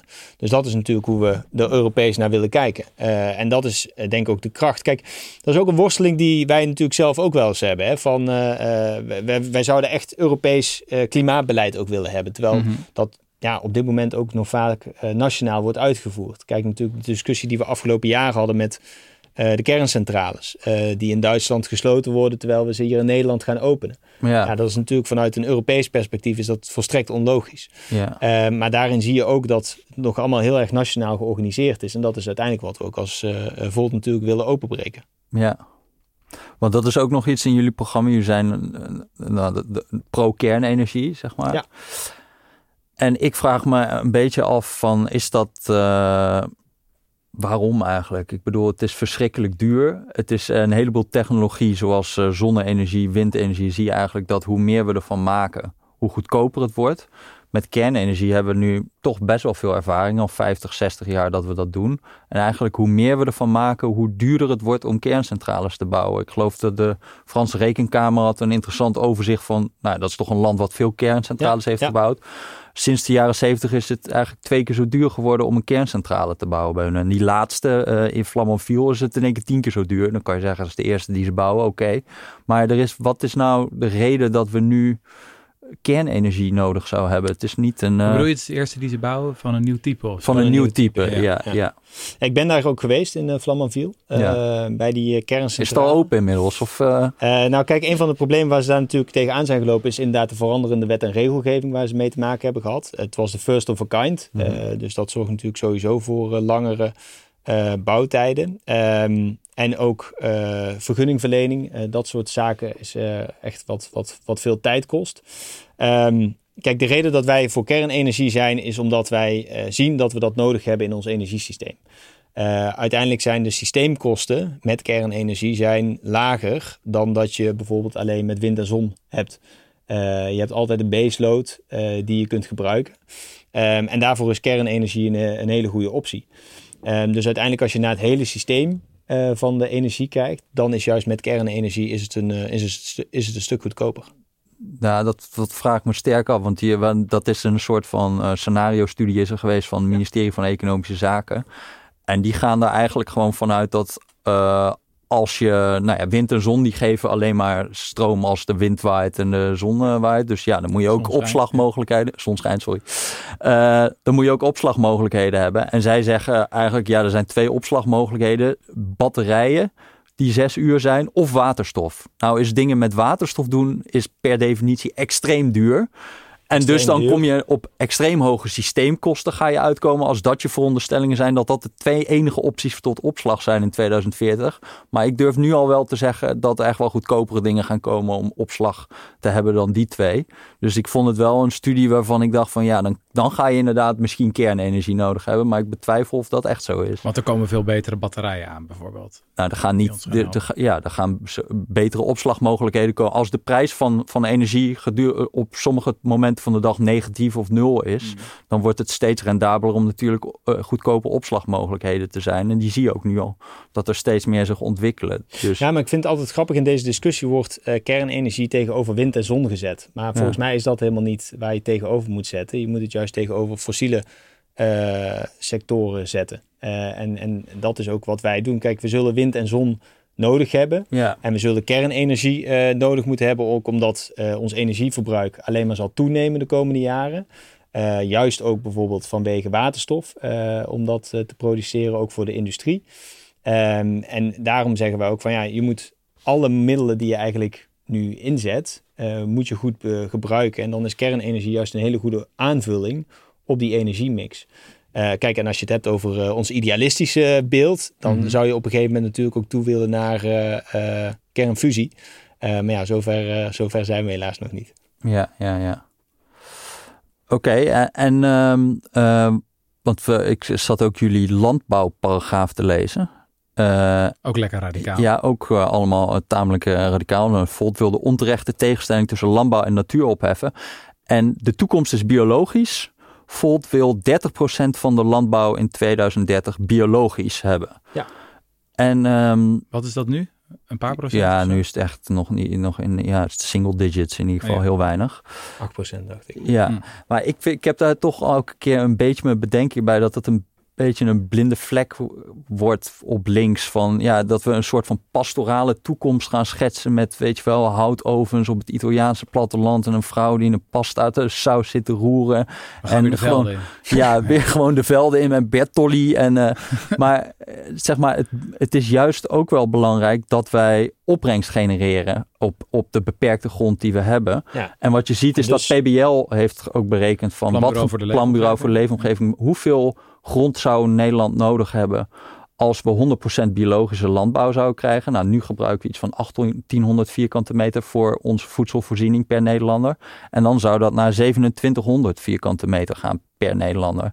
Dan vraag ik me af, ja, is dat nou beter voor het milieu? Ik bedoel, Ja, maar op dit moment eh, zie je hè, de manier waarop wij nu eh, het landbouwsysteem hebben ingericht. Ehm, eh, met eh, ook het voedingspatroon wat we daarbij hebben, waarbij we ontzettend veel eh, vlees eh, produceren en eigenlijk ook produceren voor dieren. En dat is in mijn optiek niet meer houdbaar. Dus daar zullen we echt op een andere manier naar moeten kijken. Ehm, en zul je dus ook op een andere manier landbouw moeten gaan, gaan bedrijven. En ehm, ja, wat ons betreft is dat natuur inclusief. Dat je inderdaad meer met de natuur landbouw gaat verzorgen. Dat betekent dus dat je gaat en- extensiveren. eh, dus minder eh, dieren per hectare. Ehm, en dat betekent dus ook uiteindelijk dat nou ja, uiteindelijk ehm, eh, de vleesconsumptie omlaag zal gaan. Eh, maar dus ook dat je meer gaat produceren, juist ehm, los van de dierlijke. eh, maar gaat de vleesconsumptie gaat dan natuurlijk niet per definitie van omlaag. Als we hetzelfde blijven consumeren en we gaan meer grond gebruiken, ja, dan hebben we een probleem. Want dan gaat er een, nog een heleboel natuur verdwijnen voor, voor biologische veeteelt. Nee, maar uiteindelijk eh, moeten we ook eh, minder eh, eh, vlees gaan, gaan consumeren. En dat is ook een van de eh, transities waar we natuurlijk met elkaar voor staan, hoe dat eh, gaat. Kijk, op dit moment eh, slachten we geloof ik 1,7 miljoen dieren per dag. Ehm, en In Nederland. in Nederland. Want wereldwijd 200 miljoen. Ja, dus, Ja. en, en, en dat is gewoon niet meer houdbaar. Ehm, dus je zult ook naar een ander voedingspatroon moeten. Dus wij stellen ook voor dat er een vleestaks komt. eh, juist om te zorgen dat eh, ja, we op een andere manier eh, dat voedingspatroon gaan inrichten. Met veel nee. meer plantaardige eiwitten. Mhm. Ja, nou jullie hebben ook een paragraaf over dat er ge- geïnnoveerd moet worden. En dat Nederland voorop moet lopen in eh, ja, alternatieve eiwitten. Ehm, maar het lijkt me dat daar toch vooral de hoop ligt, toch? Ik bedoel, want we gaan nooit de vleeshonger stillen van eh, de Nederlanders, laat staan van de wereldbevolking, met die biologische landbouw. Eh, want het kost, we hebben nu al dat we wereldwijd de helft van de bruikbare grond gebruiken voor Ja, de landbouw, waarvan exact. driekwart voor de veeteelt. Als je dat dan ook nog eens biologisch gaat doen, ja, dat is op een gegeven moment heb je twee planeten nodig. Nee, dus dat, drie. dat, dat is volgens mij precies wat ik aangeef. Hè? En daarom moeten we ook naar alternatieven eh, kijken. En een van die alternatieven zou bijvoorbeeld kweekvlees zijn. Eh, maar daar ja, moet nog wel heel erg in geïnvesteerd worden om te kijken of dat eh, ja, ook eh, goed op de markt gezet kan gaan worden. Ja. Nu Dus zijn wij een wel- coalitietje aan het bouwen in deze podcast. ja. Dat gaat Dus wij willen eigenlijk dat er, ja, sorry, we zijn gewoon schaamteloos subjectief hierin. Eh, maar ik denk echt dat het goed is voor heel Nederland. Eh, ooit hebben wij ASML gecreëerd met proactief overheidsbeleid. Dus eind jaren 80, begin jaren 90 is er fors gesubsidieerd. Ehm, eh, en heel veel geld gestoken in ASML, die nu natuurlijk een van de meest winstgevende bedrijven Ja. van Nederland zijn. En de, nou, eigenlijk de 100% zo'n beetje van die markt hebben hè, voor chipmachines. Ehm, kunnen we niet Nou, hetzelfde ASML doen? is de enige die dat eh, wereldwijd kan doen. Precies, Dat, ja, ja, ja. Ik wist overigens niet dat de overheid dat eh, eh, ja, dat hebben we ooit eens, gesubsidieerd eh, had. ja, Ik dacht dat dat, Philips was die daar... nee, in de beginjaren hebben ze daar ook enkele tientallen miljoenen in. Ja, daarom hebben ze toen overleefd. Terwijl concurrenten failliet gingen. Ja, ja, exact, zij ja. overeind gehouden door de Nederlandse overheid. En het lijkt erop dat die kweekvleesindustrie of eh, precisiefermentatie, dat is nog een andere veelbelovende technologie, ja. een beetje in zo'n vergelijkbare periode zit. Dat het echt moeilijk is voor veel van die bedrijven om winst te maken. Er is heel veel durfkapitaal ingegaan, maar nu lijkt een beetje de klad erin te komen. Omdat eh, die durfkapitalisten denken van ja, waar blijft onze winst nou? Eh, soms is ook de hype even voorbij. Ja, ja. Ehm, zou het nou niet mooi zijn als Nederland hier een leidende rol in gaat spelen? En zou het nou niet helemaal mooi zijn als Volt in de Tweede Kamer daar gewoon de moonshot-missie op tafel legt en zegt van luister, dit kunnen wij concreet gaan doen. Als wij er x miljard in steken, dan kunnen wij de grote hub worden voor de ontwikkeling van kweekvlees precisiefermentatie. We hebben Bontebal al aan je zijde. Ja, Caroline nee, van nee, Plas was een beetje... dat was een beetje eh, eh, terughoudend. was enthousiast. Die wilde meteen een, een of andere hub met India creëren. Ja, Ik die weet was al bijna met Modi aan de ik telefoon. weet, niet, ik weet niet waarom dat nodig was, maar eh, wat denk je? Nee, ja, dat, dat lijkt mij een heel goed idee. Ehm, omdat er juist ook meer in geïnvesteerd moet worden. En Nederland heeft geloof ik eerder een bedrag eh, 60 daarvoor eh, miljoen, vrij, ja. eh, 60 miljoen, ja. Ja, maar maar dat zijn is nog niet de natuurlijk die we nodig veel hebben. te weinig. Ehm, en je ziet overigens ook dat Europese regelgeving daar nog, nog, nog dwars ligt. Ehm, dus dat moeten we ook oplossen. Maar ik, ja, ik ben er groot voorstander van dat we Hm. hier op een andere manier naar gaan kijken. Want ja, de manier waarop we op dit moment met het systeem van eh, eh, dieren en eh, onze vleesconsumptie omgaan, is niet meer houdbaar. Heb je dan enig idee hoe we dat in Brussel gaan oplossen? Met jouw Europese perspectief ook?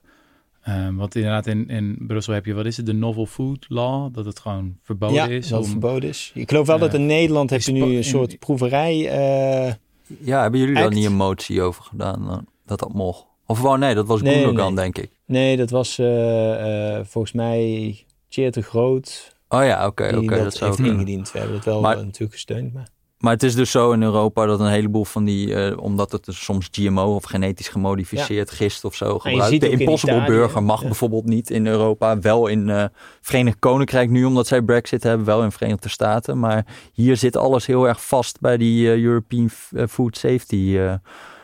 en ik geloof in 2024 dat zij met een, een, een nieuw rapport komen. oh ja? Ehm hou me daar even te goede. Eh, eh, maar ja, je ziet dat er veel weerstand ook is in Europa. Bijvoorbeeld ook in Italië.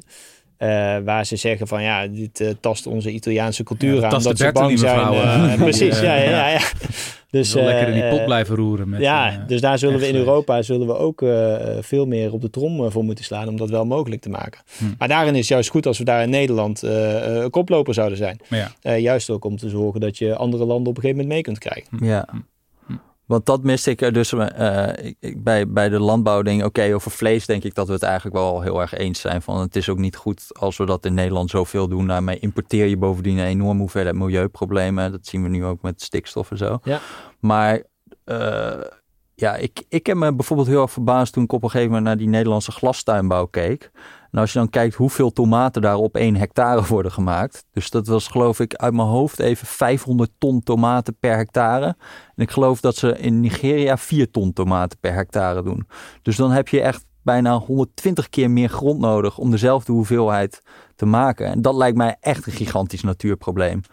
Dus er is een soort van ehm, ja, te weinig focus op dat die opbrengst eigenlijk die wij hier hebben. Ja, oké, er worden ook soms technieken voor gebruikt waarvan je je, vraag, vragen kunt stellen. Maar het is wel veel erger, denk ik, als je 120 keer zoveel grond nodig hebt en de natuur moet opgeven om dezelfde opbrengst te realiseren. Dus moet er ook niet een klein beetje gedifferentieerd worden in vlees versus akkerbouw versus. Eh, Ik bedoelde, voordat je zeg maar in Nederland een heleboel boeren gaat wegjagen die je nog wel hier wil hebben. Nee, zeker. En ik denk ook dat eh, de innovatie en de, de efficiëntie die we in Nederland ontwikkeld hebben, dat die eh, eh, op zich heel goed is. maar laten we ook die kennis exporteren om te zorgen dat andere landen daar ook op een goede manier mee om kunnen gaan. Zodat we dat niet alleen maar in Nederland die kennis en kunde hebben, maar dat we dat juist internationaal Maar dan heb je toch juist over die intensieve akkerbouw ook. Dat is toch waar we goed in zijn, niet in biologische landbouw. Uh, nee, maar dit, dit soort uh, uh, innovatie en, en, kennis, die zouden we best wel kunnen exporteren om te zorgen dat het ook in andere landen, dat het land uh, op een efficiëntere manier bebouwd wordt. Ja. Ik denk dat dat niet verkeerd zou zijn. Maar ja, je wilt uiteindelijk wel voorkomen dat, dat de vleesconsumptie is. ja, die, ja, die nee, groter duidelijk. Ja, ja, intensieve veeteelt, dat lijkt me ook een drama. Trouwens ook voor dieren natuurlijk. Ja, exact. Um, maar inderdaad, als je het hebt over iets als ontbossing, ja, in, in uh, Afrika een heel belangrijk probleem is daar inderdaad juist die lage opbrengst. En dan wil je juist zoveel mogelijk voedsel uit een klein stukje land persen. Ja, dan heb je minder land nodig. Precies, maar dan moet je toch de kennis die en uh, de kunde die wij hebben, moet je juist dan toch ook uh, exporteren. Ja, zeker. Ja. Uh, ja. En dan moet je mensen daar zorgen dat dat, dat zo weinig mogelijk nodig heeft. Ja. Want ja, anders schieten we natuurlijk als wereld niet heel erg uh, op met elkaar. Want dat vond ik ook nog wel een grappig uh, ding. In, wat in één keer een hele passage in het verkiezingsprogramma. Af en toe dacht ik ook, dit is heel random dat dit er in één keer uh, langskomt. Maar jullie begonnen over dat het zoetwatertekorten zijn een heel groot probleem ja. op de hele wereld. En dat jullie vonden dat Nederland daar een enorme bijdrage aan kon leveren door ontziltingsinstallaties. Dat is een heel lang verhaal. Wie heeft dat geschreven? Ja, dat, ik, ik denk dan van, is er gewoon iemand die heeft daar in één keer een hele sterke opvatting over. Ja. Nou, kijk, het gaat uh, in mijn optiek nog veel te weinig over water, uh, ook in de politiek. Uh, het RIVM heeft net ook weer gewaarschuwd hè, dat er in 2030 mogelijk een drinkwatertekort gaat zijn. Ja. Uh, afgelopen zomers hebben we natuurlijk de droogte gezien. Nou, wereldwijd uh, staat water gigantisch onder druk. Um, ik weet niet of jullie, uh, even een, zijstap, uh, de film The Big Short kennen. Uh, Zeker. gaat mm-hmm. natuurlijk over de economische crisis van 2008, 2009. Um, en een van de, Michael Burry, een van die investeerders die, die dat zag aankomen, die zit sindsdien in water. Omdat hij voorziet dat water eigenlijk de grote volgende uh, crisis gaat zijn. Nou, als je kijkt naar Nederland, het oppervlaktewater uh, moet in 2026 voldoen aan de kaderrichtlijn water uh, vanuit Europa.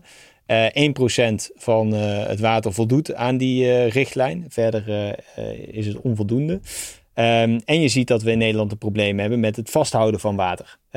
wij zijn natuurlijk jarenlang hebben we een wateroverschot gehad. Uh, maar op dit moment hebben we heel veel problemen om voldoende water vast te houden, juist in de zomers. En dan wordt er gevraagd om minder te douchen, dat boeren hun uh, land niet meer besproeien. Uh, dus dat is echt een groot probleem aan het worden. Nou, dat moeten we oplossen door te zorgen hoe kunnen we water beter vasthouden en, en, efficiënter gebruiken. Zodat ehm, ehm, we straks niet in 2030 echt dat watertekort hebben. en tegelijkertijd uh, moeten we ook kijken van is dat voldoende uh, of moeten we ook naar methodes toe gaan zoals ontzilten waarbij je uh, brak water, hè, dus een mengsel van zoet en zoutwater, gaat zuiveren wat vervolgens ook weer gebruikt kan worden voor, voor waterconsumptie. Ja. Um, en ja, wij zeggen investeer daar nu wel al in. Onderzoek het in ieder geval. Hè. Dus wij stellen een innovatiehub ook voor.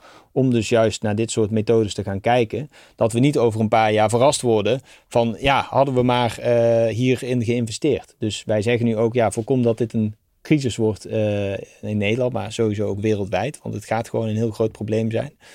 Uh, door hier nu ook al naar te kijken. Nou zit ik niet heel lekker in mijn waterbeheer, maar ik geloof, ik, we hebben, er zijn toch een rivierendelta waar nogal wat rivieren uitkomen. En op zich hebben we aan water geen schaarste. Misschien is het niet meteen drinkbaar, maar voordat je zeg maar op het lijstje van opties uitkomt bij de goedkoopste is ontzilting. Uh, dat lijkt mij meer iets voor Israël of Singapore nou, dan. Dan... Hè? En uh, Saudi-Arabië uh, die doet het. Um, maar ook in Nederland zou dit mogelijk een, een, optie zijn om te verkennen naast de andere maatregelen die genomen moeten worden. En dat het RIVM hiervoor waarschuwt, geeft aan dat wij hier veel beter uh, op moeten letten. Want er wordt wel gezegd, ja, we hebben een hoop rivieren en daar zit toch voldoende in. Maar je ziet juist dat het oppervlaktewater uh, ook aan het dalen is. Uh, dat dat niet altijd goed beschikbaar is. En dat zelfs in sommige regio's, zoals bijvoorbeeld in Enschede, in Overijssel, dat nieuwe partijen niet meer aangesloten worden, kunnen worden, omdat er gewoon te weinig water is.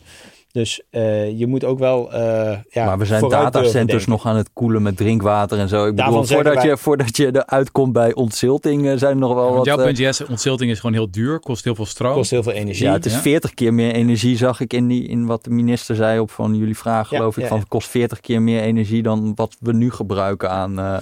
Overigens, op die koel, die datacenters, de koelwater, daarvan zeggen we ook dat moet verplicht gerecycled gaan worden. Want dat wordt nu ook nog veel te weinig gedaan. Um, uh, en kijk, wij zeggen eh, wat het belangrijke is van ja, zorg nu dat je alle opties goed verkent. En daarom zeggen we ook van er moet een innovatiehub komen. Uh, zodat je straks niet uh, mogelijkheden hebt uitgesloten, terwijl die mogelijk wel noodzakelijk zijn. Dus dat is precies de reden dat wij hierin in willen investeren. Maar dat betekent niet dat je andere zaken zoals beter vasthouden van, van water, hm. Eh, dat je dat ook niet moet doen. Nou, ik dacht, ik vond het meer sympathiek als een soort van. Het is sowieso internationaal een gigantisch probleem. Hè? dus daarom doen ze het. Uh, dus als Nederland dan een bijdrage daaraan kan leveren, dat zou heel. Maar ik weet niet of het nou voor Nederland de ontzilting uh, nou heel erg snel zal gaan vliegen. Nee, dus ik, ik, ik, hè, ik zeg ook niet van we moeten alleen nog maar in gaan zetten op ontzilting. Ja. Uh, wat wij wel zeggen is van we moeten deze uh, problematiek veel serieuzer gaan nemen dan dat we nu doen. Uh, water is ontzettend vervuild uh, in Nederland. Uh, er dreigen tekorten. ook als je kijkt naar de gletsjers met klimaatverandering, kan dat ook tot problemen gaan leiden. Als je kijkt naar de ontwikkelingen in Zuid-Europa, waar natuurlijk al gigantische tekorten in de zomer optreden, ehm, moeten we veel beter gaan kijken naar ons watermanagement. En wij vinden dan ook, dan moet je ook naar technologieën gaan kijken die mogelijk ons in de toekomst wel kunnen helpen. En dat, dat, dat is ontzilting. Ja, ja, ja. Oké, zijn jullie klaar voor het derde blokje? Zeker. Of nog iets over de grote verbouwing van de economie? Nee. Oké, dan gaan we naar de grote verbouwing van onze democratie. We oh, hebben ook op het vlak van staatkundige vernieuwing, zoals dat dan heet, een aantal uh, ambitieuze plannen. Jullie kwamen een tijdje geleden ook al naar buiten uh, met eentje. Samen met de ChristenUnie was dat toen geloof ja, ik. Ja, initiatiefnota met de ChristenUnie geschreven over uh, de uitbreiding van de Tweede Kamer. Ja, dus er zijn nu 150 Kamerleden. Ja. En ehm, jullie willen dat uitbreiden naar 250 Kamerleden. Klopt. Waarom? Nou, kijk, de laatste keer dat de Kamer uitgebreid is, is in de jaren 50. Toen mm -hmm. van 100 naar 150 uh, Kamerleden. Um, en sindsdien zijn we in Nederland van 10 naar 17 miljoen inwoners gegaan. Is de complexiteit van de internationale wetgeving uh, en sowieso van wetgeving is toegenomen. Uh, zie je dat het aantal ambtenaren is toegenomen. Het kabinet uh, is groter dan, uh, dan dat het ooit was. Dus, en daarnaast de rol van de volksvertegenwoordiging is ook veranderd. Je bent via social media ben je veel benaderbaarder. e-mails die veel makkelijker, waar mensen veel makkelijker een e-mail kunnen sturen. dus wij zeggen ja, zorg ook dat de Tweede Kamer klaar is voor 2023 en daarna. Uh, en dat doe je door uh, 250... GPT die e-mails te laten beantwoorden. Nee. nou, ja, kunstmatige intelligentie, dat is uh, ja, ook uh, belangrijk. Maar dus, dus om te zorgen dat je het aantal Kamerleden uitbreidt, zodat de volksvertegenwoordiging goed geëquipeerd is om nou ja, goede wetgeving te doen, maar ook veel verder vooruit te kijken. Dus naast dit voorstel doen we ook nog twee andere voorstellen. Mm -hmm. Daar zal ik zo nog wat over zeggen. Um, want je ziet daarnaast ook dat Nederland in vergelijking met andere Europese landen gewoon een hele kleine volksvertegenwoordiging heeft. En er is vanuit de politieke wetenschap een, uh, een derde machtswortel. Uh, en als je die zou volgen, hè, dat is, die, die derde machtswortel geeft eigenlijk aan, uh, kijkend naar het aantal inwoners, uh, hoe groot zou dan ongeveer je parlement moeten zijn.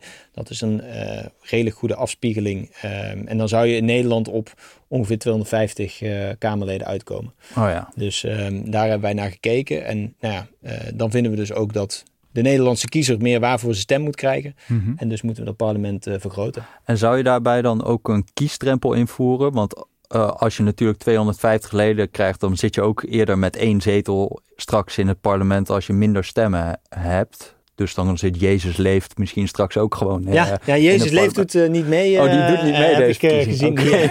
ja, die, ik, ik, ik, weet niet wat er gebeurd is, maar Jezus dood. die, doen, die doen niet mee. Maar dan krijg je eigenlijk nog veel extremere versplintering. Als iedereen met, met, met 20.000 stemmen, dan, dan, dan kan Rutger ook zo het parlement inkomen. Ja, zo nou, we hebben ooit wel eens dat idee bij de ja, dat... bij de bar gehad met de correspondent. Om gewoon een uh, correspondent als een soort van experiment de Tweede Kamer te sturen. Die kon dan maar dat is uiteindelijk volt geworden. Dat is uiteindelijk nee, uh, kijk, als je zou kijken naar de vorige verkiezingen uh, van 2021. Dan zou er met dit voorstel zou er één extra partij in de Tweede Kamer zijn gekomen. Ehm, terwijl dus alle andere uh, zetels zouden naar vergroting en versterking van de andere partijen uh, zijn gekomen.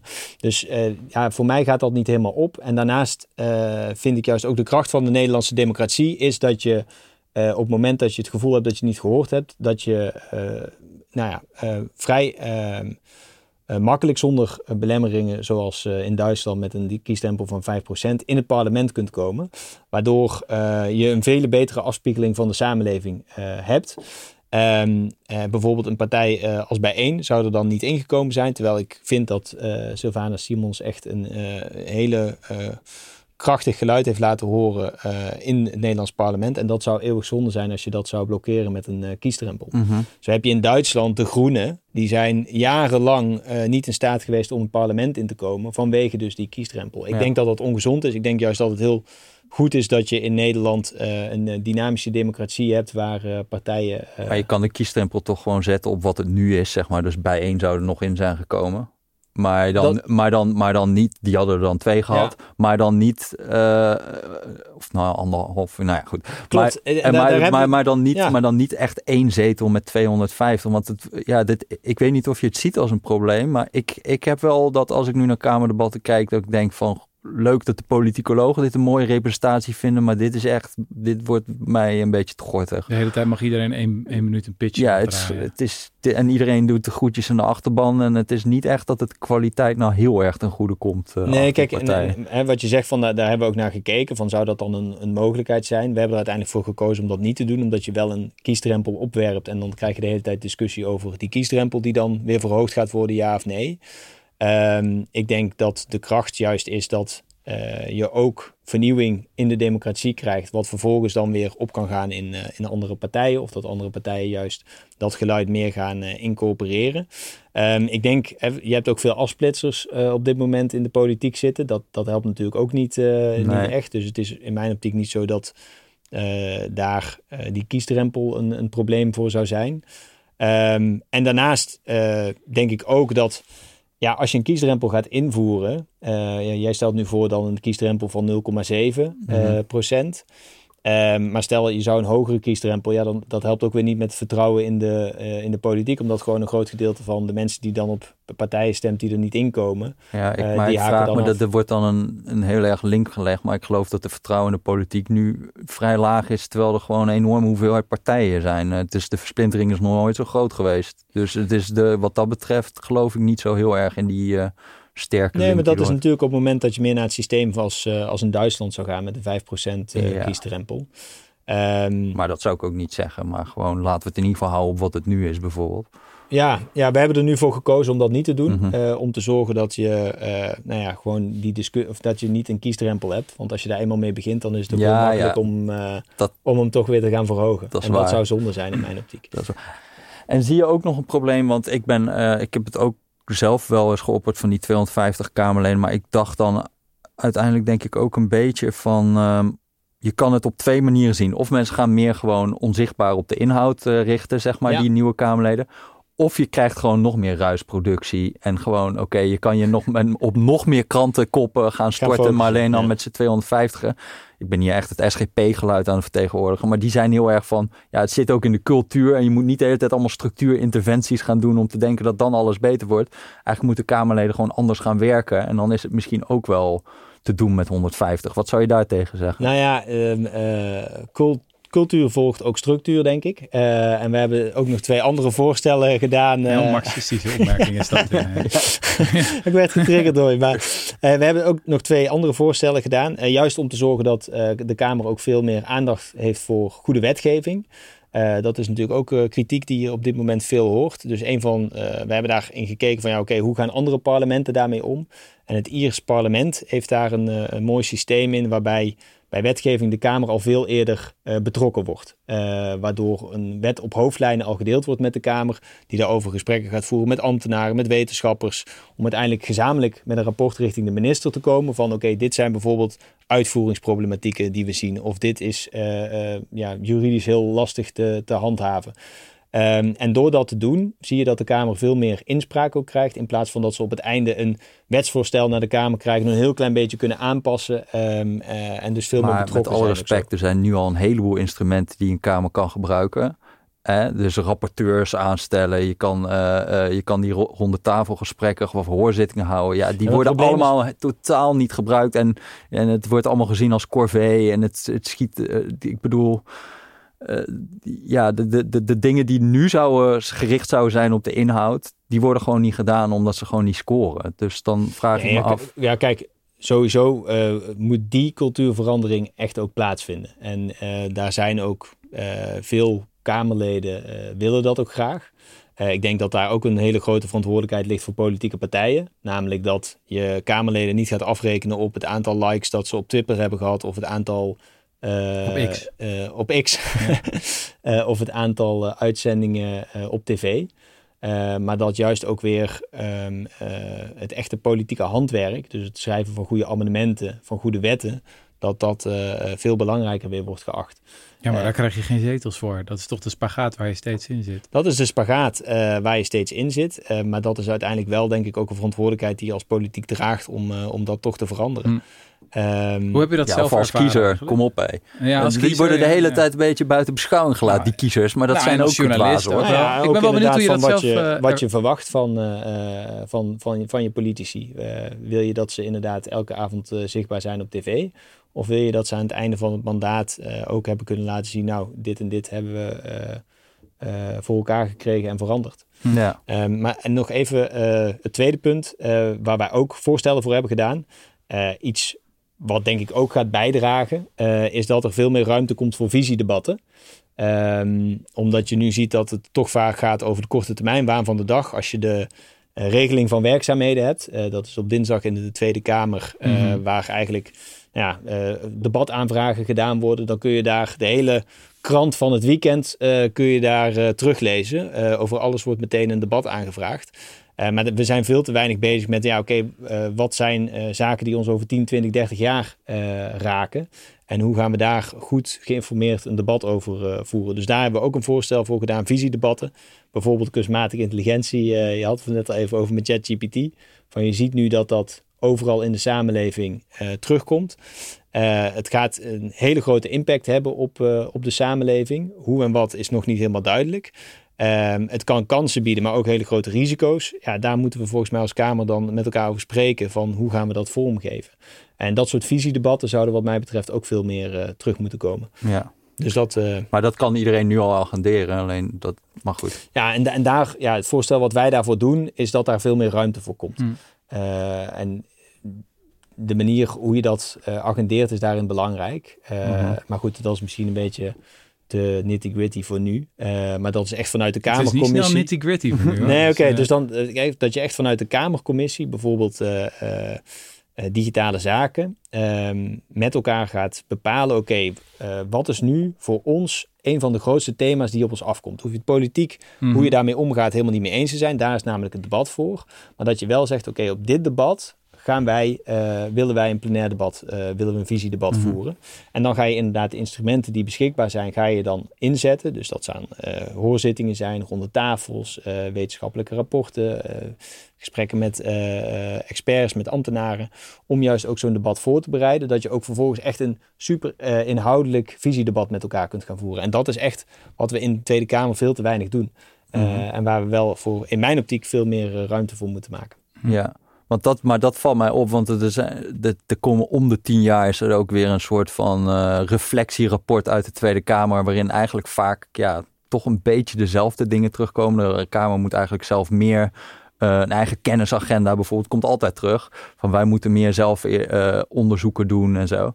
Ja, en uiteindelijk dan, het is toch een beetje als uh, de verstokte roker die op 2 januari toch weer een peuk opsteekt. Ja. Er komt uiteindelijk toch niet zo heel erg veel van terecht vaak. We ook bijvoorbeeld dan zeggen ze van, we moeten meer met rapporteurschappen gaan werken. Hè. Dus twee Kamerleden van uh, uh, gaan bijvoorbeeld samen iemand van de oppositie, iemand van uh, Mhm. Gaan de begroting, zo, gaan samen een begroting bekijken. Nou, daar gaat het nog wel aardig. Maar bij, of je kan ook gewoon een thema uitpakken, hè, zoals kunstmatige intelligentie. Wat is daar nu aan beleid voor?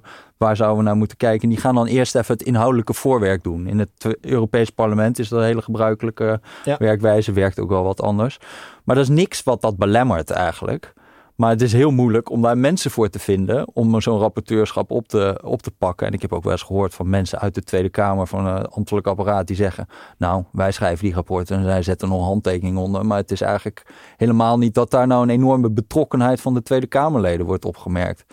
Dus ja, Nee, maar dat moet veranderen dan toch? ja en, nee, en het mooie daarin is dan, Ja. eh, als je kijkt naar ons voorstel met de uitbreiding van 100 Kamerleden. eh, er is inderdaad dan één iemand of één partij die dan extra in de Kamer zouden zijn gekomen. Maar juist die andere eh, zouden allemaal een versterking van de bestaande partijen zijn geweest. Waardoor hier veel meer ruimte voor komt. Zodat Kamerleden ook de diepte in kunnen en het, het werk eh, weer eh, op een eh, ja, diepgravende manier en een goede manier kunnen doen. ja. Is het en natuurlijk, dat, dat is ook cultuur. Hè? Dus daar, daar, ja, want hoe doen jullie dat eigenlijk eh, bij, bij Volt? hoe bedoel je? Hoe, hoe erg, waar reken jij Kamerleden op af? Ehm, nou, kijk, uiteindelijk eh, zijn wij wel aan het kijken van oké, waar kunnen we eh, zorgen dat we ook daadwerkelijk eh, impact maken. Dus we zijn nu veel met de spreidingswet eh, bezig geweest. Eh, ook om echt de diepte van de wet in te gaan. Wat betekent het nou en wat willen wij dat anders eh, gaat? We hebben amendementen voorgeschreven. En dat is in mijn optiek hoe je politiek ook moet bedrijven. Door ook te kijken van wat kun je nou eh, verbeteren. Dus ik, ja, wij willen met Volt ook niemand afrekenen op het aantal tv-uitzendingen of het aantal tweets dat je hebt uitgestuurd of het meeste Insta-filmpje of wat dan ook. Het gaat uiteindelijk vooral ook om van hoe doe je je kamerwerk, omdat je als politieke partij ook daadwerkelijk een bijdrage wil leveren en zaken wil veranderen. Eh, en dan heb je dus ook gewoon politiek handwerk Maar nodig. het lijkt me lastig. Er zijn gewoon eigenlijk twee dingen die je moet doen als Kamerlid. Enerzijds moet je controleren. Dat is het ingewikkelde dossierwerk, zou je kunnen zeggen. Vaak wat minder sexy. Inderdaad, past niet altijd in een tweet. Meestal niet in ieder geval. Eh, en eh, aan de andere kant moet je representeren. Ja. Dus moeten kiezers het gevoel hebben dat ze zich in jou herkennen. En daar heb je die massamedia voor nodig. Nou, je hebt niet zo heel veel podia als dit, waarin je gewoon met onbeperkt tijd. Ik weet ook niet hoeveel luisteraars en kijkers Nee, we nu precies. inmiddels nog over Laat- hebben trouwens. Ehm, Ik weet niet hoe lang zijn we al bezig. ja, nee, maar dat is, dat is toch echt, dat lijkt me echt de, de spanning. Dat je dat Ja, de hele dat is tijd ook continue moet spanning. doen. en Dat je is twee eigenlijk niet te verenigen taken samen moet doen. Ja. En dan is het begrijpelijk. Zeker als er trouwens steeds meer partijen zijn die allemaal steeds contact moeten leggen met hun achterban. En moeten laten zien van, hé, hey, ik, ik denk aan jullie. En ik, eh, ja, ik heb weer even die vlammende speech die jullie kunnen uitknippen en op YouTube zetten. En vervolgens de like button kunnen klikken. Ehm Ja, dat is toch gewoon niet te doen? Nee, da- daar zit natuurlijk ook een spanning. En eh, je wil natuurlijk ook je volksvertegenwoordigende taak goed eh, doen door het gesprek in de samenleving te voeren, door daar ideeën op te halen, dat ook weer weer terug eh, eh, het parlement in te krijgen. Eh, dat is ook een super belangrijk onderdeel. Ehm, maar uiteindelijk ja, is het ook hoe je er zelf als politieke partij mee omgaat. Eh, Hmm. En daar zit gewoon een verantwoordelijkheid bij de politieke partijen zelf. Hmm. Eh, en ja, het, van de een op de andere dag is dat niet veranderd. Ehm, maar ik heb wel ook het gevoel dat er nu ruimte is. Eh je had het net ook over Henry Bontebal. Mhm. Eh, en zo zijn er veel meer die juist... CDA, ja. Ja, die veel meer ook die inhoud eh, in het parlement juist terug willen krijgen op deze manier. Ja. Mhm. En dus ja, ik heb daar nu ook wel het, nou, het vertrouwen in ieder geval. Eh, we hebben nu ook wel de mogelijkheid om eh, na 22 november dan ook te laten zien als politiek dat we het echt ook anders Mhm. willen doen. Heb je die spanning zelf wel eens gevoeld? Je mag even biechten bij ons. Dat je daar stond achter het spreekgestoelte en dat je gewoon even lekker op het orgel ging. Dat je dacht, oh, dit gaat het goed doen op YouTube. Ehm, nou ja, eh, ik heb ook natuurlijk ook wel eens een keer een eh, verhaal gehouden waarvan ik dacht van, nou, dit is even eh, lekker eh, knallen. Mhm. Ehm, eh, ja, dus dat zit er altijd wel een keer bij. Maar het is niet dat ik op voorhand ehm, bedenk van oké, dit ga ik dadelijk eruit knippen en dit gaan we op de, de socials plakken. Doen andere partijen dat wel? Nou ja, niet. Eh, dat idee. laat ik lekker Ja. aan de andere partijen. Ja. Dat, eh, ja. Hey, En één ding wat ook eh, een grote staatkundige vernieuwing is, is dat jullie een permanent burgerberaad ja, willen. klopt. Nou, vertel. Wat, eh, wat is Nou, kijk, ehm, je wil juist zorgen Eerste dat... Kamer opdoeken. En, en, nou, kijk, als je de Tweede Kamer zou uitbreiden naar 250 Kamerzetels, dan zou je inderdaad kunnen afvragen van eh, wat dan de rol van de Eerste Kamer nog is. Dat hebben we ook in ons verkiezingsprogramma staan. Maar het burgerberaad is eh, juist een aanvulling op onze democratie. Waarin je juist veel meer ook mensen wil betrekken bij ja, de keuzes waar we met elkaar voor staan. Ja, dus voor wie het niet weet, er worden mensen willekeurig geselecteerd, ja. toch? Uit de samenleving. Er wordt een ja, dus het is heel belangrijk hè, dat. Precies, dus uiteindelijk is het idee dat je een grote groep in de samenleving aanschrijft. Van mhm. mensen die aangeven, nou, wij willen daar aan meewerken. En vanuit die groep uh, doe je weer een loting om juist een goede representativiteit ja, alleen de uh, natuurlijk en ja, dat wil je dus, Dat wil je dus voorkomen. Uh, juist om te zorgen dat iedereen zich ook in een burgerberaad herkent. Mm -hmm. um, en wij willen een, um, daar zal ik dadelijk even op terugkomen, nationaal permanent burgerberaad omdat je juist nu ook in de politiek ziet, hè, van er wordt de ene motie naar de andere ingediend van ja, er moet een burgerberaad over zorg komen, een burgerberaad over klimaat, een burgerberaad over dit, een burgerberaad over dat. Hip, ja. ja, en je wilt ook, het moet een instrument van de mensen zelf zijn, van de burgers zelf zijn. Dus niet dat de politiek de hele tijd met stokpaardjes gaat komen om een burgerberaad over te organiseren.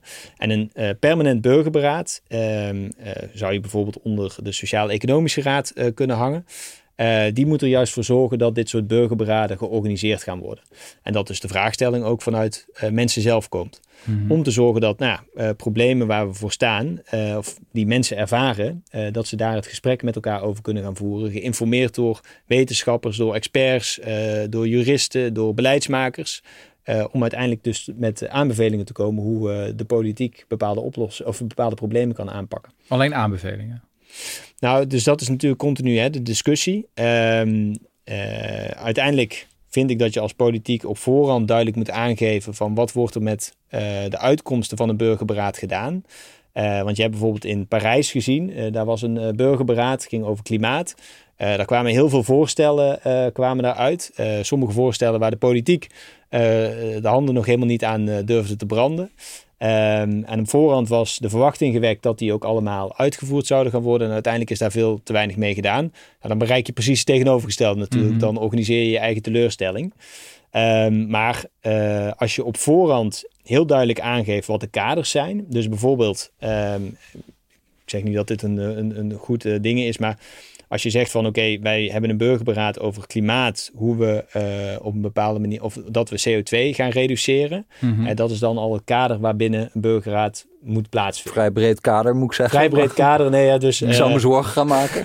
maar goed, hè, dus, en als je dan zorgt dat uh, juridisch duidelijk is wat mogelijk is, financieel duidelijk wat mogelijk is, binnen bepaalde beleidskaders kun je het nog dingen neerzetten. Ja, dan moet je ook wel als politiek duidelijk aangeven wat ga je vervolgens met die aanbevelingen doen. Uh, een inspanningsverplichting, uh, uh, of in ieder geval het bespreken om te zorgen dat er ja, dat, daadwerkelijk ook wat met de aanbevelingen gebeurt. Ja, want één ding wat je, er zijn nu een heleboel gemeenten en zo, het is echt wel een, een ding aan het worden, al die burgerberaden. En ik zat een paar van die evaluaties te lezen en het gaat vaak over klimaat. Op een of andere manier wordt het daar over vuurwerk. Ja, is er een burgerberaad ja, ja, Utrecht is... Uh, toch? oh ja? Utrecht gaan ze er een doen? Utrecht gaan ze er een doen in ieder geval over vuurwerk. Kijk, nou dat vind ik wel een beter onderwerp. Misschien maar, maar daar kwamen ze ook totaal niet uit. Nee? Dat was gewoon, ja, er moet een inclusieve jaarwisseling zijn. Voor iedereen die niet van vuurwerk houdt. En die wel van vuurwerk houden, ja. Ja, oké, oké, ja, ja, ja. Dat was het probleem. Maar dat was denk ik ook het probleem met het Franse burgerberaad. Daar kwam juist helemaal niet zo heel veel uit. Dus het enige echt soort van duidelijkere voorstel, of laten we zeggen radicale voorstel, was de maximumsnelheid iets verlagen. En die werd dan ook niet overgenomen natuurlijk door de Franse politiek. Maar verder zat het vol met gemeenplaatsen van ja, er moet meer onderwijs komen, er moet meer bewustzijn, meer voorlichting over klimaatverandering. strafbaar stellen van ecocide geloof ik. Zoiets, Maar dat is dan ook nog de vraag, wat is dat natuurlijk? Je zou kunnen zeggen, we hebben juist ja, gewoon echte representatieve politiek nodig, coalitiepolitiek van professionals die weten dat ze compromissen moeten sluiten, dat er geregeerd moet worden. Terwijl die mensen die in dat burgerberaad bij elkaar gaan zitten, ja, die komen met een heel weeg verhaal, uh, wat uiteindelijk... Uh, nou, kijk, in, in, in Oost-België heb je bijvoorbeeld ook een uh, permanent burgerberaad. En daar zie mhm. je ook dat er juist hele goede voorstellen uh, naar voren worden gebracht. Zoals? En uh, nou, bijvoorbeeld ook op, ik geloof dat ze daar ook op klimaat, maar goed, dat, dat zou ik even weer terug moeten mm -hmm. zoeken. Daar heb ik even niet paraat. Um, en natuurlijk, we hebben ook de, de representatieve democratie zoals we die nu kennen. en daar moet ook van alles gebeuren. Maar het is juist mooi om ook uh, mensen een middel te geven, um, omdat je ook ziet dat op bepaalde dossiers uh, de politiek er niet uitkomt of juist de keuzes heel erg vooruitschuift. Ja. En dat de samenleving daar soms al veel verder in is als je hen ook het vertrouwen geeft om uh, dat gesprek aan te gaan en met aanbevelingen te komen. En soms is de samenleving dan veel creatiever dan de politiek is. Ja, de vraag is wel of dit de samenleving is. Want als dat wel. En met daarom is representativiteit zo belangrijk. Ja, maar dat is dus wel lastig. Want ik zag dat bij al die evaluaties komt eigenlijk de hele tijd hetzelfde terug. Iedereen die erop afkomt, is heel erg geïnteresseerd in klimaat. Dus dat is al wat dat betreft. En die waren ook overwegend bijna allemaal hoog opgeleid.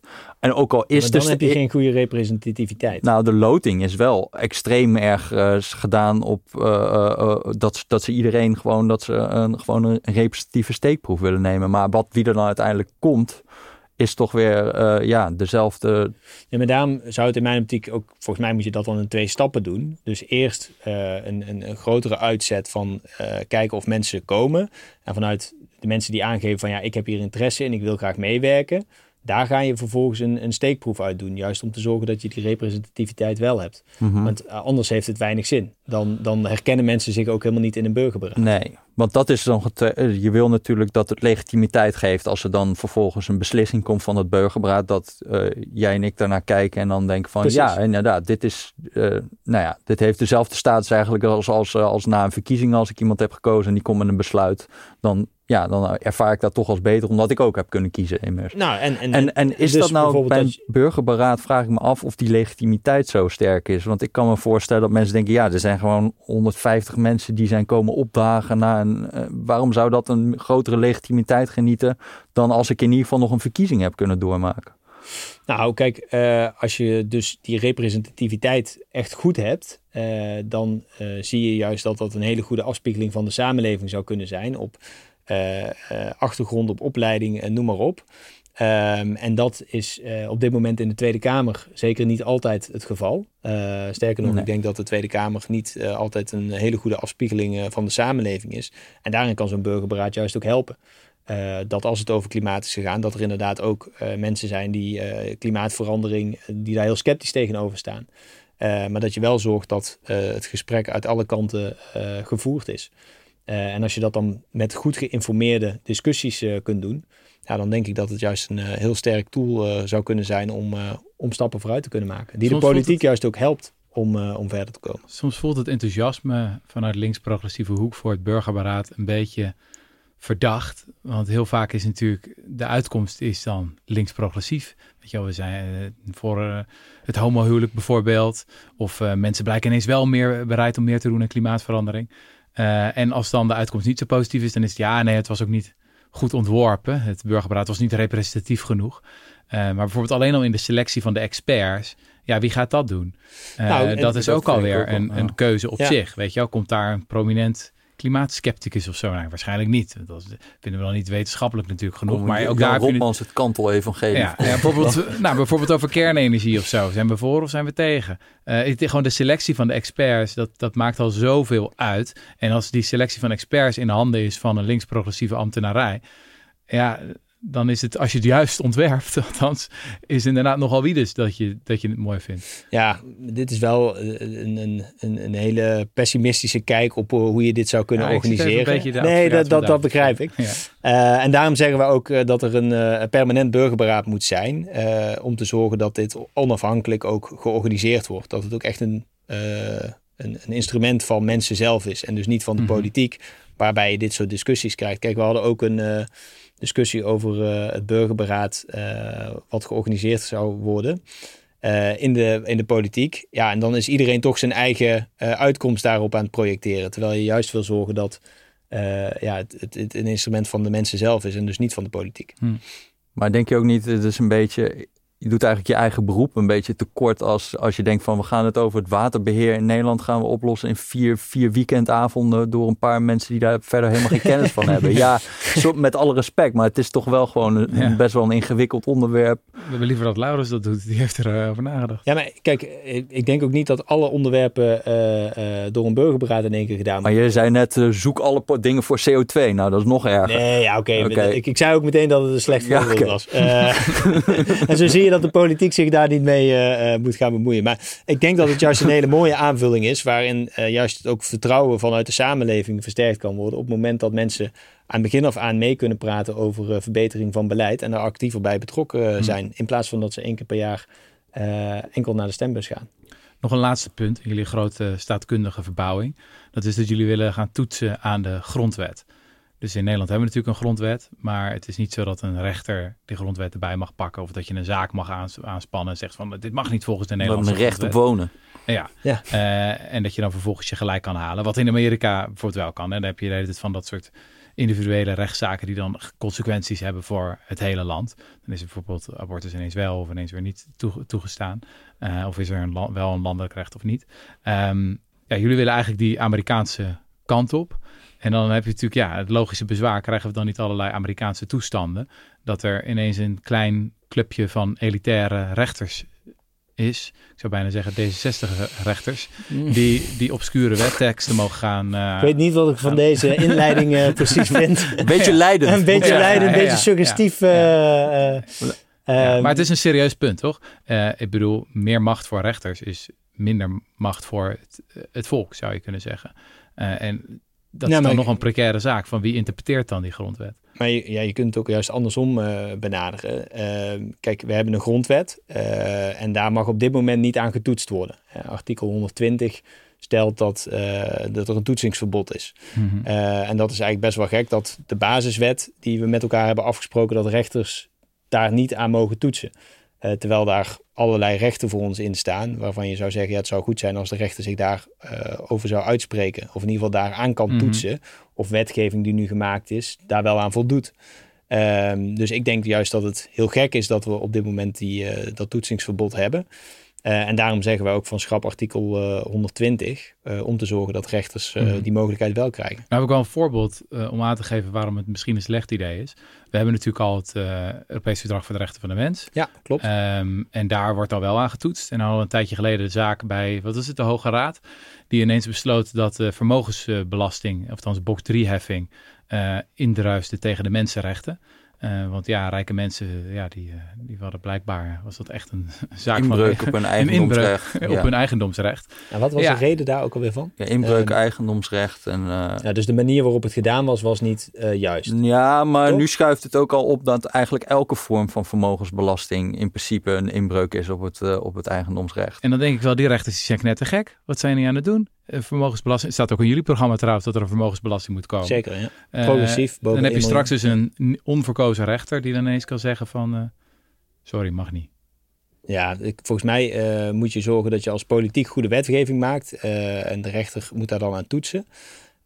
En dan vallen dit soort zaken moet je dan als politiek juist ook op een goede manier meewegen.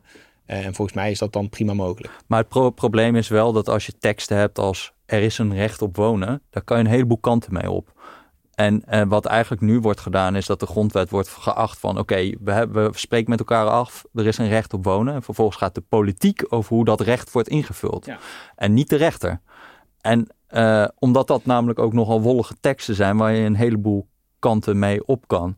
En ik ben eigenlijk ook wel een klein beetje bang dat, dat, ja, dat we dan toch een onverkozen eh, gedeelte met ja, tamelijk vage teksten, zeg maar, gaan, gaan jullie maar zeggen wat, wat, wat daarmee moet. Ja, dat vind ik nou bij uitstek een taak voor de politiek eigenlijk. Nou, de politiek moet daar eh, volgens mij heel duidelijk richting in geven. En uiteindelijk de rechterlijke macht moet toetsen. eh, of het inderdaad voldoet aan de wetten die we met elkaar hebben vastgesteld. En ook aan de grondwet. Om, nou ja, het recht op wonen is, een, is een grondrecht. Eh, de politiek moet dat eh, in ieder geval eh, eh, ja, het beleid zo maken dat dat recht ook gerespecteerd wordt. Ja, de politiek. Maar moet een, een- wat moet een rechter daar dan... eh, Ja, wat zou een rechter bijvoorbeeld nu zeggen? Er is gewoon een schreeuwend woning, woningentekort. Die zegt dan, nou, dat is dus geschonden. Mensen hebben nu niet het recht op wonen. Noodverordening of zo. We gaan nu gewoon... we- wat gebeurt er dan? Zeg maar, wat, wat betekent zo'n toetsing dan? Nou, ik, denk eerder dat het dan is als er nu wetgeving er doorheen komt die zegt er mag niet meer gebouwd worden. Mhm. eh, dat de rechter dan kan zeggen ja, maar dat is een Die strijd hebben we met de toch, de stikstof. Ja, ja, maar dat is het. Het zijn allemaal belangen die tegen elkaar Tuurlijk. afgewogen moeten worden. En of je dat wil uitbesteden aan een rechter, vind ik best ingewikkeld eigenlijk. Ehm, ja, ik, ik moet eerlijk bekennen dat ik op dit moment niet een heel goed voorbeeld eh, heb. Eh, dus ja, daar moet, ik, daar moet ik nog op terugkomen. Mhm. Ik zal dat op een andere manier communiceren om, eh, Ja, ja, ja. om daar meer duidelijkheid op te verschaffen. Alright. Oké. Een laatste vraag. Ehm, waar ben je het meest trots op van de afgelopen Kamerperiode? Wat jullie bereikt hebben als Volt? Of wat jullie hebben gedaan? Ehm, nou, een van de mooie punten die ik zelf vind is uh, uh, de gratis schoollunches. Um, die uh, voor veel kinderen inmiddels gerealiseerd is.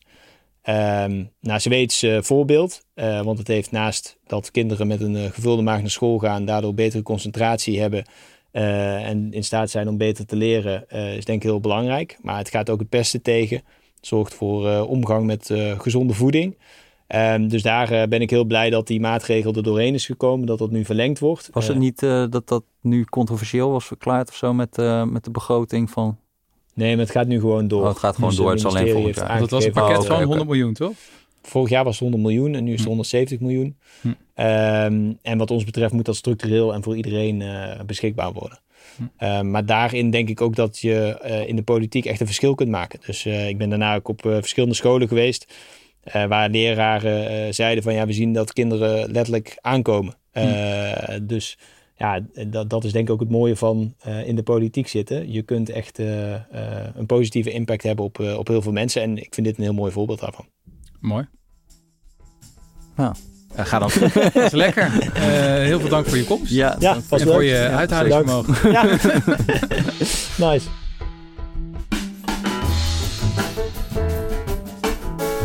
Ja, dat was hem dan. Um, wij vonden het een mooi gesprek. Zeker. Ik met deze fascinerende lijsttrekker. Uh, en dan komt natuurlijk de onvermijdelijke vraag. Vond je dit de moeite waard? Luister je graag naar de interviews van Rudy en Freddy Show met deze fantastische lijsttrekkers? Geld. Geld. Ja, uh, het is allemaal niet gratis om te maken. Video, camera, inhoud. We moeten al die dossiers lezen en ondertussen ook nog eten. Um, dus vond je dit uh, leuk? ga dan naar www.decorrespondent.nl slash Word lid. Vind je gewoon überhaupt Rudy en Freddy Show filmpjes best wel cult. Ja. Decorrespondent.nl slash word lid. Ja, dat was de boodschap. Ja. Dank jullie wel. Applaus. We krijgen applaus. Ja, timing.